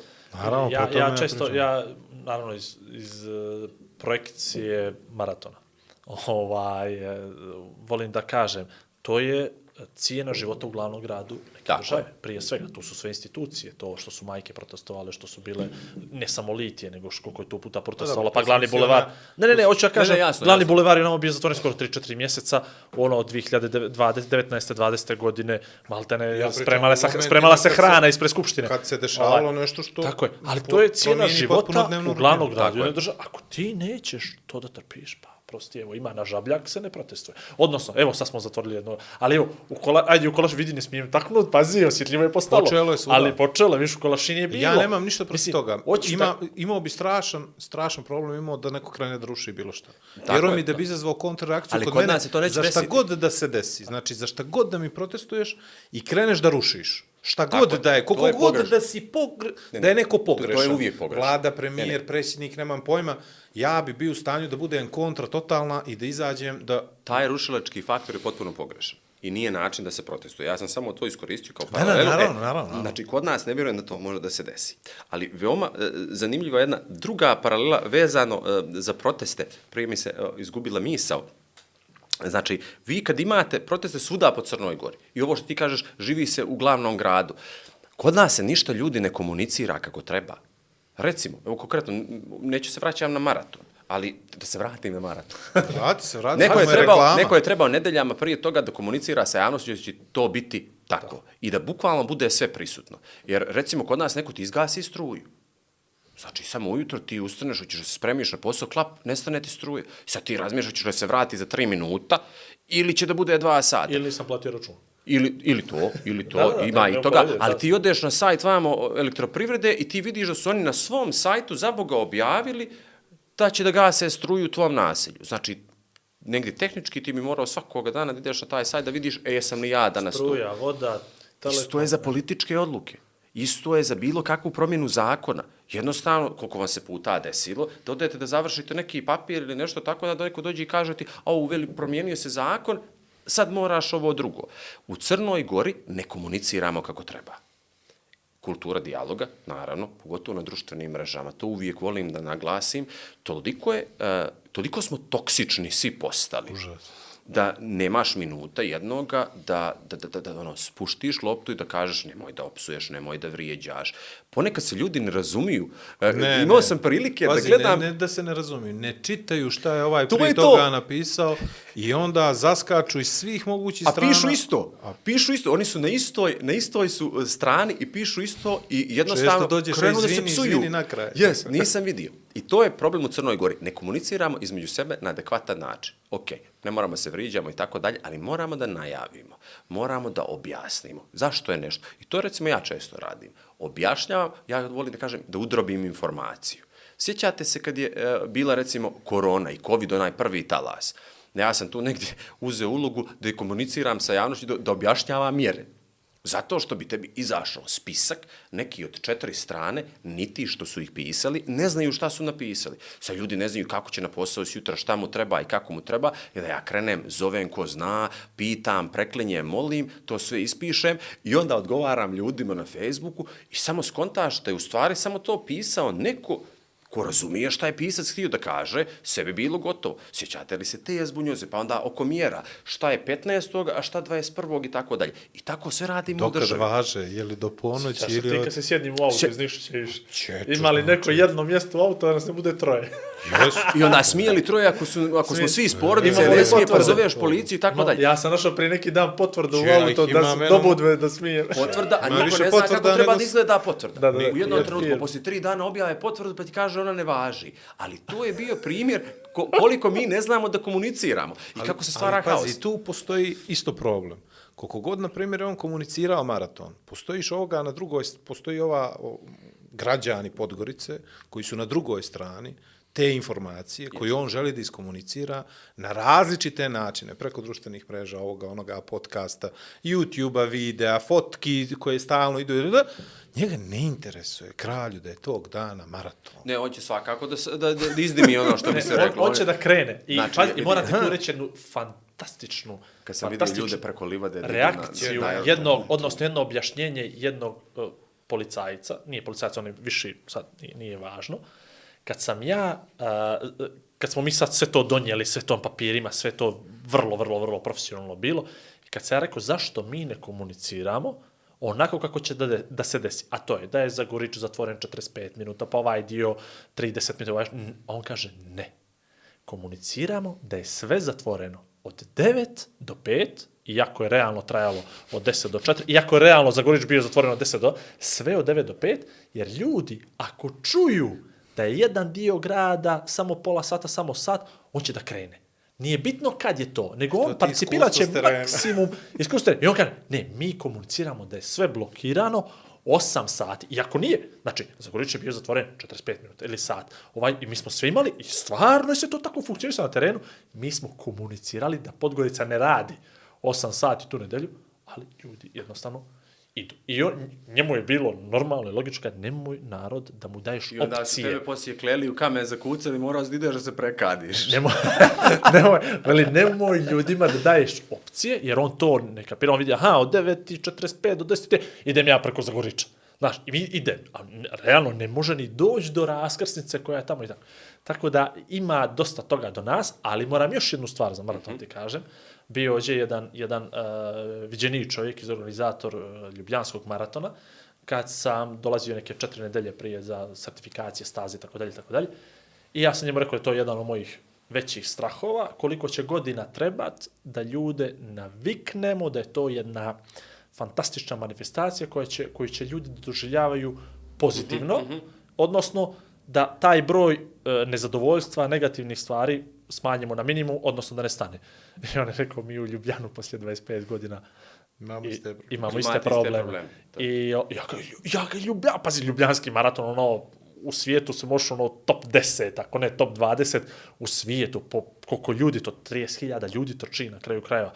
I on kaže, da, on jednostavno hoće da završi svoj posao u nedelju, u Ljubljanu i on dođe i svađa i na jedne barikade, sad oni imaju prstene, pa ne dozvoljava ljudima da dođu, da priđu do volontera, ali policija i dalje, poslije toliko godina i svega toga, ili uopšte nemoj da se nadaš da ćeš to nekada riješiš, nego jednostavno Hajde da se ja na, na, na, na, nadovežem na ovo. Uh, imamo li mi čemu da se nadamo? Imamo, imamo. Ima, I to je to. Imamo. Koliko imamo lijepih stvari da se nadamo u Crnoj Gori. Ljudi, znate li kako nam malo treba? Znači, ja ne mogu da vjerujem, neka se osje- osjetim tako usamljen u svojoj glavi, da ne mogu da, da, da shvatim da ljudi ne mogu da skontiju koliko nam malo treba. Evo, pogledajte. Stani, Vlado, prvo, gledaš ga prešako, moraš da se nasloniš ovako na stranu, da ga gledaš ovako ispod Ne. oka, dok on ovako priča sa entuzijazmom. Neki nam malo treba. Evo recimo, ova, sad kažem vladu, ova ulica dolazi im tu, isto kao Kandahar. Znači, stotinu rupa i tako dalje. Malo ti treba da budeš zadovoljni. Ok, ajde mi iskrpi te neke rupice tu, razumiješ? I onda ti on to završi. Pa onda vidimo kako da mladi ljudi ostanu tu. Ima rešenja, ima inovativnih rešenja, ima načina da ih obučimo vrlo brzo, da postanu IT nestručnjaci, ali recimo specijalisti, pa da rade online, da uživaju ovdje. Znate li koliko digitalnih nomada? Ovo će vam biti veoma zanimljiv podatak. Ja u ovom trenutku znam preko 200 ljudi iz Australije da žive u Crnoj Gori, doselili su se zadnjih 5-6 godina. Zašto? Prošetam na A nemamo ni PayPal. Ja A, odem na nemamo, Goricu, ali što, njima je ođe banja. ja odem na Goricu šest stranih jezika čujem. Tako je. Znači, A kad ne smo mogli to prije 20 godina, recimo Kako, 15 samo godina, Kad su sad turisti, kad ne znam, ono, rijetki slučajevi, ali sad imaš bukvalno ljude koje ja gledam svaki drugi dan na Gorici, koji pričaju holandski, mađarski, ruski, Tako je, engleski, svuda njemački, svijeta. i to prepoznaš vrlo lako, znaš, Tako je. i onda i to vidiš da su to porodični ljudi, da nisu turisti, da nisu došli na tri dana, Zašto? Sad ću ja da kažem, upravo ono prije o čemu sam pričao, imaš ovdje svoju vrstnu slobodu, ili putuješ negdje pa letiš ili radiš online, ili si već završio, imamo dosta penzionera i ranih penzionera, jer jednostavno ovdje odgovara lifestyle. Voda ti je ok, čista, trudimo se da sačuvamo. Dobar je vazduh, nije previše zagađen, ima dana kad jeste, moramo da se potrudimo i to. A, a, nekretnine nijesu preskupe, jesu za crnogorski standard, ali za zapadni I za standard. rentu i za kupovinu. I za rentu i za kupovinu. Znači, ljudi, ti možeš da nađeš negdje na primorju stan, da rentiraš normalan 400-500 eura mjesečno, ti u Melbourneu, recimo, tebi je šupica jedna, 3000 dolara, ono, znači, i to, ili da živiš s I nekim... onaj glavni kao adut na sat vremena ti je sve koji mi pocijenjujemo ja. Bukvalno. I oni uživaju. Zašto mi ne mogli da uživamo na taj način? Zato, naravno, po penzijanje. imamo, imamo situaciju Fali u nam Crnoj svijet Gori. sad, imamo Evropu. sad Imamo fali nam situaciju u svijet. Crnoj Gori. Plate su niske. Ok, ajde, po, po, pošle su malo tim. Treba nam da otvorimo, recimo, da, da investitori otvore neke normalne poluproizvode, proizvodnju i tako dalje, da pa mi zaposlimo neke ljude pa da poraste standardi dalje. Ali to je veoma malo. Veoma malo. Nama u ovom trenutku u Crnoj Gori treba da otvorimo 30-40 hiljada radnih mjesta i to bi bilo top, nekih održivih i normalnih, i da povećavamo plate još jedno 250-300 eura, a da cijene ne idu previše gore, mi smo završili. Onda si možemo da se posvetimo da Crna Gora bude još bolje mjesto za život i još bolje mjesto za život i još bolje i da je sačuvamo. Nas je 600 hiljada. Ja garantujem, u Crnoj Gori se nijedno jutro, ovo van sezone, ne probudi preko 450 hiljada ljudi. Garantujem. Ja znam više ljudi moje generacije u ovom trenutku koji žive vani nego što žive Koliko unutra. ih je samo migriralo iz Nikšića u Podgoricu. I to, ali znači u ovom trenutku nas, nas sigurno nema pola miliona u Crnoj Gori. Misliš da nas... A, vodimo Ne, ne, se ne, na... to kao, misliš, e, aha, to, to. Nema nas, ne Ne, probudi ne, ne. se ni jedno jutro. Preko pola miliona ljudi u Crnoj Gori. Mi možemo da napravimo čudo od ove zemlje samo da imaš ljude koji su donosioci odluka. Čak nam e, ni njih ne treba previše. Na stranu ove. Tu smo došli do, do, do glavnog faktora, donosioci odluka. Imaš ljude koji učestvuju u političkim procesima i političkom sistemu. I veze nemaju Godinama. I veze nemaju. Ali- Ona je onu noć plače, neću mu pominjati ime i prezime, ali kao da je, kao da je izbor za najboljega momka u Crnu Goru, a ne Jest, nešto što jest. je politička odluka. Do, dogovorio se ovaj s onim i ti si Evo, danas donji. Sam, danas, sam Šta? pisao, danas sam pisao o tome. A, Downing-Kruger nas razvali. Oh, Znači, okej, preteško je to. Ne možeš da se, na, a ne znam, ali ne možeš da se uči. Zamisli ti da ti da sad recimo a, brat Lamborghinija od 200.000 da se učiš na njemu da voziš. E to bukvalno se radi sa Crnom Gorom prethodnih 30 godina. Ja ne pravim razliku. Sadašnja garnitura, e, pređašnja, bukvalno ti je neko dao Lamborghini od 200.000 da se voziš i onda ga ti skrkaš i umjesto ono da ti niko ne da auto nego da se učiš na juga, on ti onda da od milion Sad ću eura da neko kažem auto. nešto što sam mislio da neću Ajde, nikad reći. Joveta je jedva parkirao Lamborghini jednom ispred Maksima. Znam, isto tako ima jedan, ima jedan što je razvalio, odvalio, bio branik i tako dalje, to su bili ljeljevci. jedan kroz jedan doveda za ga bio jedno selo i tako dalje. Ali to ti je to. I sad imaš ljude koji kažu što ima veze, digne ruku. Ja ću to. I on ide na čelo, recimo, neke uprave, direktorata, bilo šta, veze nema o tome. Znate li vi koliko imamo, recimo, bez namjere da vrijeđam bilo koju struku. Ja nijesam sad neki stručnjak i to. Zato koliko imate u ovom trenutku profesora fizičkog obrazovanja koji vode institucije kao menadžeri. Da ne nabrajam sad koje institucije. Ali imate ih jedno 15 po mojoj brojci u ovom trenutku. Ljudi koji su profesori fizičkog obrazovanja, što je okej. I nemaju nikakvo iskustvo s tim što rade. Oni nam vode neke od naj, najboljih institucija, najvažnijih u državi, bez kojih sistem ne može da funkcioniše. I sad misli, ti se prihvatiš toga. E, to je problem i to treba da mijenjamo. Zato, recimo, ako neko zna, nemoj da ga ono, po ušima, Kao nego fino. otpisujemo 140.000 Pomozi mu, da, pomozi mu da raste. Pomozi mu da raste. Vjerujte mi, ova nekolika dana, moram i ovdje da kažem, ja sam uživao sa ljudima koji znaju svoj posao. Znate li kad imate čovjeka iz MVO sektora kojemu je posao da hvata medvjede zadnjih 15 godina i zna o tome sve i kuda se kreću i sve koji se bori protiv krivulova. Kad imate direktora Agencije zaštitu životne sredine koji je doktor nauka i koji je pronatura, čovjek koji diše zeleno, i koji će sve da uradi da dovede do cilja. Znate li kako je to zadovoljstvo? A takvih ti ljudi treba 30 u državi na nekim mjestima i mi moramo da ih izaberemo. I zato je aktivizam važan. Ono što mi, e, ja često kritikujem sve, i političke partije i tako dalje, nema veze, ne svrstavaj se. Gledaj kako je da tebi i ljudima oko tebe bude bolje. I to će da dođe. To mi nikako ne umijemo. Mi prije ili Ali- poslije uvijek dođeš da si, Zato neđe što da te si zagrli došao, ta Vlado, partija si- i da te... Vlado, zato što ti znaš. došao na to mjesto upravo zbog toga. Tako razumiješ? je. I ti to moraš da vratiš. Na ovaj, na onaj način. E, to je Ali to. nema ne- veze, jednoga Nama dana- treba fresh start Tako je. koji nećemo imati nikad. Nama treba Mislim, restart. da, nikada. Samo neko znači da nas okrene, da promijenimo sistem, da ubacimo te neke ljude koji znaju šta rade u sistem i ti odmah vidiš benefite.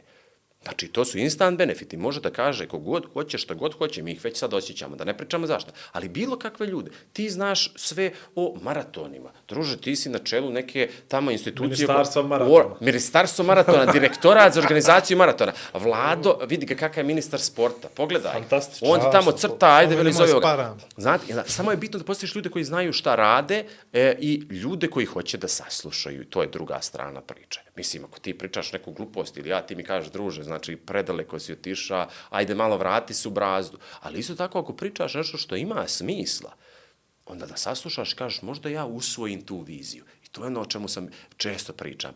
Vizija se ili stvara ili usvaja. Znači, u tebi se rodi vizija, imaš je, i onda je ti podijeliš sa mnom. Ja mogu da je usvojim ili ne usvojim. Ako je usvojim, bit će bolje e, i meni i tebi, i njemu, i onda svima. Problem je što kod nas ljudi su toliko ili egoistični ili nedugovani Sujetan, ili sujetni. To sam ja smislio, to je moja ideja. I to je to. Ne Nemoj ko da koristi ovo moje što sam ja. To je to. I ne želi da prihvati viziju. I to je to. Kra, za, za kraj te priče, vizija je nama potrebna u Crnoj Gori. Ideja nije su novci. Znači, nije novac nama potreban. Ne, Ima novca. nije. Tu su evropski fondovi, tu je budžet, tu je, znači, mnogo stvari može završiti sa malo novca. Nama samo treba ideja, a onda ljudi koji znaju da implementiraju, koji imaju viziju da to urade. I to je to. I to je tako malo, i ja mislim da smo veoma blizu. U ovom trenutku se to ne čini tako, ali mislim da smo veoma, veoma blizu da se ta cijela situacija da promijeni da izađemo iz ove tranzicije. Makar vjerujemo u to. ovako nekoga prepunog entuzijazma, znaš, Sad, ja sam sam bio, to u tebi pronašao. ja sam jednom momentu, dobro, ja sam našla? Da znam, ja, a, student sam bio, jesam, jesam bio student i pokrenuli smo bili neki časopis koji je bio potpuno na volonterskoj bazi, e, 15 ljudi je radilo, ja sam bio neki glavni urednik i tako dalje. Tako da priča istu priču. A pa pričam čovjeku, ne pričam tebi šaj. I Znam, došao nego sam kod jednoga, ajde. kod jednoga čovjeka, pa vi opet gledaju prvi put, Vlado, dozvoli se. Sve, sve se ne novi to, inače šaj To od su tamo novi montira, kidaj, kidaj, kidaj. Novi followeri. I rekao mi je, rekao mi je tad jedan čovjek koga sam puno očekivao, rekao mi je entuzijazam je potrošna roba. Nećete vi još dugo.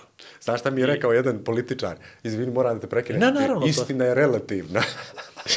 Is, Ima dvije strane. Ima ovu istina moju i je, ovu tvoju. istina je u Ja čovjeka, posmatrača. Ne vjerujem, Istina je Istina posmatrača. Gledam čovjeka, ne vjerujem što mi priča.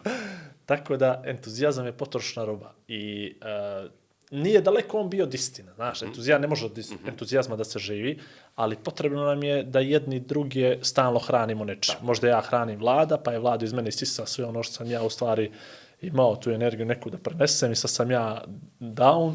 O, Pošto što je dobro, Vlada, imaš treće dijete psa. Ja mislim, što je to dobro, okej. što je dobro opet sam malo malo, eh, ali uh, treba tih novih entuzijazma, treba svakome te pozitivne energije. Ja evo kako ti kažeš da nam, da će nam biti dobro i da nam da nam malo fali, ja se apsolutno ne slažem s tobom. Ovaj mislim da ođe generalno ne, neću reći nema sreće, da nema sreće ne bi bio tu gdje jesam, ali da nam treba jako puno za to što zapravo uh, zapravo kad nađeš nešto dobro kod nas, to je bukvalno, ne možeš da vjeruješ da to naš, znači to nije pravilo, to je izuzetak. Čini. Kod nas je puno, jel? Znaš šta je Pa jako vidi, puno? ti se družiš s puno dobrih ljudi. Zna- Znaš, znaš i to šta- je, i to je Da, isto, to ti je to je isto, kvalitet životni da. ozbiljno. Ja samo gledam svijet na drugi način. Znaš šta je jako puno? Ruanda 90. godine, građanski rat. Istrijebe se između sebe. I 20 godina kasnije, Musi, tu, Tuci i Tuci, Hutu, Tuci i Hutu. i 20 godina kasnije pošalju satelit u svemir. Ruanda pošalje, ima svoj svemirski Tako je, program. da. To je puno posla. Mi imamo sve. Bukvalno sve imamo. Samo treba da kažemo jednog dana, bukvalno ono, kao kad imate one motivacione govornike, ja inače ne volim taj self-esteem i to, ali bukvalno ono se probudiš jedno jutro i kažeš, opa, ali mi možemo. Ali zašto ne? Znači, Opa, opa. znači samo ono skontaš da možeš. Ja sam upoznao par ljudi iz sistema i van sistema koji su bukvalno tako, znači ja znam ovako ludilo i, i sad zvuči, koji su samo jedno jutro rekli, znači idem i završavam. I krenuo i radi. To je ono priča od početka, kad pričamo o mindsetu, uđeš u mindset, okružiš se tim i crnim mislima i onda ljudima koji razmišljaju na isti način, neće nikad biti bolje, bit će najgore. Neće. Samo da vidite koliko malo treba za lijepe priče, za koliko se kratko uredi grad, infrastruktura. To su, znači, mi nemamo nikakvu bolest između sebe. Mi nemamo rat, mi nemamo glad. Mislim, teško jeste. Imamo 9% ljudi koji žive na granici siromaštva, ali nemaš nikakvu, nemaš sad neku sušu pa da kažeš da smo kao u Africi. Nemaš uh, poplave koje nijesu lokalizovane. Ni koleru, ni lepru. Tako je, imaš neki zdravstveni sistem, on nije najbolji, ali možemo da ga unaprijedimo. Znači, on nije kolabrirao, on se nije urušio, pa da mi moramo sad iz početka. Znači, mi imamo sredinu, mi smo sad u nekom limbu. I vrlo malo nam treba da krenemo nazad. Ono što neću da mračim je da isto tako nam treba vrlo malo da potonemo. Ali mi smo sada u toj sredini. I ako ne skočimo vrlo brzo, znači neće biti dobro. Ali ja imam osjećaj da ćemo i tekako da skočimo. Znači, ti si protiv ovih, a dobro, sve samo kapiram. A ne, ne, ne politički, ovo veze, ovo veze nema politički, nema me gazit, A ne, mora, zapalit. to je, to je crnogorski mindset. Zapalit ćete Danilu Ili Gradu. si, To. ili Ne, ne. si moj, ili si protiv mene, Ili si upravo naš, tako. ili si za ove, ili si za one. Ne Ja možeš da samo budeš vjerujem da. Crna Gora Imamo može. li mi grupu ljudi, imamo li mi grupu ljudi koja nije ni za ove, ni za one, nego svojom glavom da misli dovoljno dobro da A da može je dovoljno izađe iz velika. toga. A da je I da napravi se velika. taj reset, restart, pa da nas trojica krenemo Imamo više i da grupa zdravo. ljudi. Evo, sjedim sad sa dvojicom. Razumijem, samo treba svijet posmatrati na taj način. Vi mijenjate Crnu Goru. Svi je mijenjamo na neki, pa, kažem, evo, ljudi u ovoj sobi mijenjaju e, Crnu Goru na pozitivan način. I ti, ša, isto. E, Svi. šta jeste tamo? Razumijete? Znači, vi ste pokrenuli ovo, pokrenuli ste neke druge projekte, ti sa svojim novinarskim angažmanom. Sad, znači, jednostavno mijenjamo. I ima takvih ljudi dosta. Ako sjednete i razmišljate na taj način, da vidim ja ko radi dobro uh, i ono što se meni sviđa, ajde da tako kažemo. Razumiješ? Neko ima super neku Instagram stranicu, pravi neke kolače, meni je to super.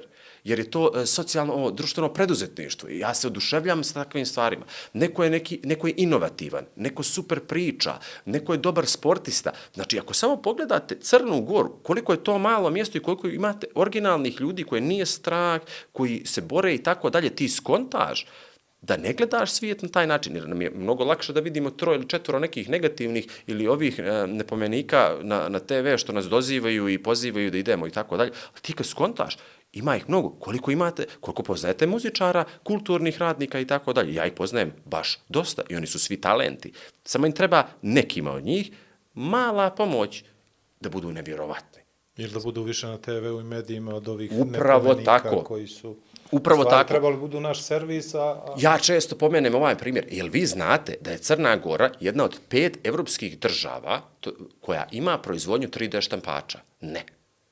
Ja sam pisao o tome više puta i tako dalje. A mi u Crnoj Gori ne znamo za to. Mi imamo o, firmu u Crnoj Gori koja je to konstruisala i koja ih proizvodi. No, ja imam druga koji proizvodi digitalne radio stanice, izvozi ih u Ameriku i tako dalje.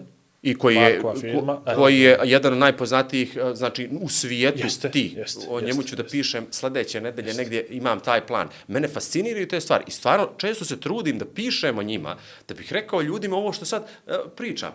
Ljudi su ti oko nas, oni su napravili sjajne rezultate, oni se trude, mogu, dokazali su da mogu to da urade u Crnoj Gori. Zašto ne možeš i ti? Ili zašto ne možemo zajedno? Jer možemo. Stvarno, ljudi, možemo i zato ja kažem, malo nam fali. Jer svi ti neki problemi, prvo što dolaze iz tih nekih trovačnica, koje kasnije odgovaraju određenim krugu ljudi da mi ne krenemo naprijed, a onda drugo, a, previše im se daje medijskog prostora. Ja bih više volio da gledam upravo ove pozitivne primjere. Ili recimo po pola sata neke edukativne a, radionice na bilo kojoj televiziji koja će da priča o tome kako može, kako neko proizvodi sir i kako je od toga napravio priču, kako je neko napravio med, koje su na mogućnosti. To je još jedna stvar o kojoj često govorim. Znate li vi koliko postoji mogućnosti u Crnoj Gori da dobiješ sredstva za nešto? Kroz razne IPA fondove Evropske unije možete da dobijete, da postaneš pčelar sutra ako to želiš, da ti neko plati obuku i da ti kupi te pčele da postaneš pčelar. Bez jednog centa ulaganja možeš to da završiš kroz evropske fondove. Možeš da završiš nekih hiljadu drugih stvari, e, sitnih sredstava. Hobi je da napraviš u biznise. Zato što sad imamo društvene mreže, marketplace-ovi i tako dalje, bukvalno svaku stvarčicu možeš da prodaš za 2, 3, 4 eura. Znači, ne iskorišćavamo sve to. Ima previše ljudi uh, dobrih i ja ih dosta poznajem i dosta uh, komuniciram i razgovaram i zato vjerujem u Crnu Goru i zato vjerujem da sam se vratio u Crnu Goru. Ajde, država kao država, ali država su stvari ljudi. Ovi što vole sad kažu narod. Volja, narod, volja narod. Volja Ovo, ali, znači, Crna Gora su Prekidamo ovo, da, da prekidamo ovo, ušli smo već u ovo, Ajde, prekidamo. završavam. Završavam. Nemoj, znači, Gasi nas. ako krenemo u ovaj Vidiš, treći, ovaj... Izvinjavam se, mora sam ovo. Ne, ne, neka si, neka Ne, si. ne, neka si, Neka neka si, neka stane ovo Bolje ti zapisano. nego mi. Bolje ti. Bolje ti nego mi. Dobro si, dobro si šlagvort, što bi rekao. Lano. Uh, da, i naš hobi, snimanje podcasta je prerašao ozbiljan biznis. Opa, Evo nas na znači, televiziji, pa evo ti si platio, ko si platio plaća? četiri cifre Nemojte, ja, za gostovanje, ovo, pa javni servis. ja pa nemam centa, dajte kakav grant, nešto Da, mi ubačite. Vidi, e, potpuno si u pravu. I treba nam više ljudi kao ti, sad ćemo mi, Vlado, ćeš ti ovo, ne mogu ja. Ovaj, ima jedan segment na samom kraju, moraš kratko, pošto smo već Dobro, vrijeme je dobro, novac dobro. na javnom servisu, ovaj, kratko da nas pohvališ i da nam laskaš kako smo mi super, jer evo, to volimo da čujemo. Sad, čekaj da on završi to da Jer to ćemo nekad neđe možda da spojimo sve u jedan podcast. Samo na, što Samo- nas drugi fale. Gosti što nas fale. Sve, pa, kako ali fenomenalni. nešto Pojedinačno. svojim riječima, nemoj sad ovo prepiše što sam ja rekao, sad smo mi Neću, najbolji. ali- kako je ovo sve Ajde. fenomenalno. Kamere isto. Meni je ovo, znači, prvo, znači, za kamere. Ja ne znam ko vas monci plaća, ali ovo je najjače mjesto ovdje na svijetu. Nije sam ulazio kao neko lokal da je pravio. E, m- može li se ono platiti, šta, da nešto dovedemo? Može, šta? može. Mene je ovo top. Ne, nemam riječi. Top, top ste. Top. Ja mislim da je ovo jedna od najiskrenijih, najemotivnijih i Ja najriječitijih očiju da mu je to pohvala koje smo ikad dobili. A Igore, nije ti malo da smo... Igore, ti si isto seksi. Ne znam, može li to na javni servis? Može, može, kako da ne, kako da ne, potpuno možemo lijepo, i grant neki da zakačimo na ovo, ove ta dual Ja sam language. ispočeo se znojim jer sam vizualizovao ovo u tvoj, tvoj epitet njemu. E, uživali smo. Znaš što? Drugačije je bio ovaj podcast, ono što smo se, uglavnom smo navikli da nam tu sportisti šede, to, to je vlada okej. okay. navikao, znaš. I, ovaj, I onda smo malo prošarali. I sad ovo akti, kako ćemo akti, kako da te potpišemo, čovječ? Nemamo potpisa lagano. Nemam potpisa, no, pitan ga samo, mislim, nemam potpisa, ali... Kak, ah, Nije on. samostalni preduzetnik. Ne, bukvalno, znači ja se predstavljam kao aktivista ili trn u oku investitora ili e, e, neprijatelj države. Obično, zavisi koga pitaš, razumiješ? Ako pitaš Zlo, ove kako bilo ono, zlo. Zlo, znači jednostavno, najkraće ZLO, znači nema ovaj zna, jer znaju kad dođemo, gubiš 10, 15, 20, 30 miliona kao iz jedne, ja ne znam kako sam živ. Ali dobro, znači i onda naravno da si stvarno, zlo. to smo pričali, nismo pričali, a moraš baš kratko. Ajde. Jesi imao frku? non stop. Ali nikada o tome neću, niti mislim da pričam, upravo da ne bi demotivisao druge ljude. Jer baš nisam vidio ni jednom da se nešto požalio, Nikad, da si nikad... nikad se ne želimo, samo radimo. Znači, dva ja, put sam pokušao da budem društveno odgovoran, dva put sam I dva sam imao frku. ozbiljne prijetnje imao. I, to Ja demotiviše sam napisao ljude. tri To- statusa, imao sam tri frke. To, dem, Četiri frke taj, to, de, to, to demotiviše ljude. To ti je kao ovi opet nepomenici, dođe tamo i kaže mu policajac daj, veli, legitimiši se, a onda ovaj mu se bači na auto, ubije dva puta glavom i krene da kuka, a vidiš šta mi napraviš, rastegoš me. To demotiviše ljude, oni to ne razumiju. Zašto bi pričali o tome, bude, prođe, evo me zdrav, živ, nadam se još koji dan i dobro je. Guraš, boriš se i vidiš kuda će svi da te ponese i to je to. Znači, lud. Pa, je- nije, pa ZL, ne smeta me, ne smeta me ludo. pamet, Ne ono što bi se reklo. Dobro, to je super. Dobro, Ladno. ladno. Kad imaš masu sinonima za sebe. Ja, Ajde. ja sam zadovoljan. I ja, pa ja sam uvijek zadovoljan. Ja, Ja sam svakoga zadovoljan. gosta koji sam izabrao je bio super. Ja sam baš zadovoljan. Ovo je na račun ko je doveo koga, znaš, to je to, je, to, to je vas da neki. još nikoga. evo. Neka, Naravno, ja još nisam zamisli, ja Svako ono što je doveo, je li to? Ja, to, zamislite. A, bravo, dobro, dobro. Ali, dobar, dobar, dobar, dobar. E, ne, ima taj neki tajni, nije tajni, nego javni rat ovaj, između nas. I on mi stalno optužuje da ja ne vodim goste, odnosno da moji gosti nisu dovoljno dobri i tako dalje, i tako dalje. Potpuno Pa dobro, neka ušli ste u petu sezonu, to je Neka- ona kritična godina braka. To, ono, znaš, to. prelazno i Više se prelazno. puta od njega razvodio nego od... nego je zdrav. Eto, Gotova je epizoda 7 sezone 5. Šajo, daj mi trojku. Oh, vidi ovo. E, epizoda Eto, trojka. 7 sezone 5. Igor i Vlado podcast. Sve ostale epizode možete da nađete na igorivlado.com ili na naš YouTube kanal Igor i Vlado podcast. Like, share i subscribe. Ostale na kraj da se zahvalimo sponzorima. Vlado će ovoga prvoga. A, Meridian Bet, oni su nam stvarno dali podršku kad je trebalo. Kad je malo ko znao da nam treba. Kad je malo ko znao da nam treba, oni su prepoznali da nam Da nam treba. Tako. A vi svi ostali su Bili tu. dobri ljudi, ali Dobro, ali Meridian nisu se tako isključio. pogurali kao... Hvala Kimbo Kafi na Ništa, Dozi samo se kofeina. zaustavi, zaustavi se. Na dozi se, kofeina. To je dobro, može. Red Bull koji nam daje krila, Hard Rock Cafeu, Elko Timu, Lamija Kazi i, I- to to, Vlad. Nama, tebi i meni i Aleksandru Novim. Hvala vama što ste me zvali, bilo je izuzetno, izuzetno dva sata i nešto proteklo za sekund, znači ovo je nevjerovatno. Hvala momci. Baš Kako mi je čast. opuštamo, kako opuštamo sagovornike. To je Možemo li neka masaža, nešto isto, ne, ima tu neki diskus. Vidi sto, Ima vidi sto. neka Kristina u Mađarsku, povezat ćete, vidio sam. Epizodu 7, Šajo, da mi trojku, prije što izgorimo. Epizoda 7 završava se, kao i svaki put do sad, u stari crnogorski pozdrav, a i prijatno. Kraj. Monci, uživao sam. Ako voliš slot, hvatat će te laso, ošinuti mamuzama ko drugi do... Bounty Hunters. Osjeti strast Expense igara. Samo na Meridian Online Casino. Dva čovjeka, dvije vizije, zajednička misija. Igor i Vlado predstavljaju Igora i Vlada. При употребе детально проучите упутство. Индикациями, мярам, опрези, нежелени реакциями на подкаст, посъветуйте се с лекаром или фармацевтом.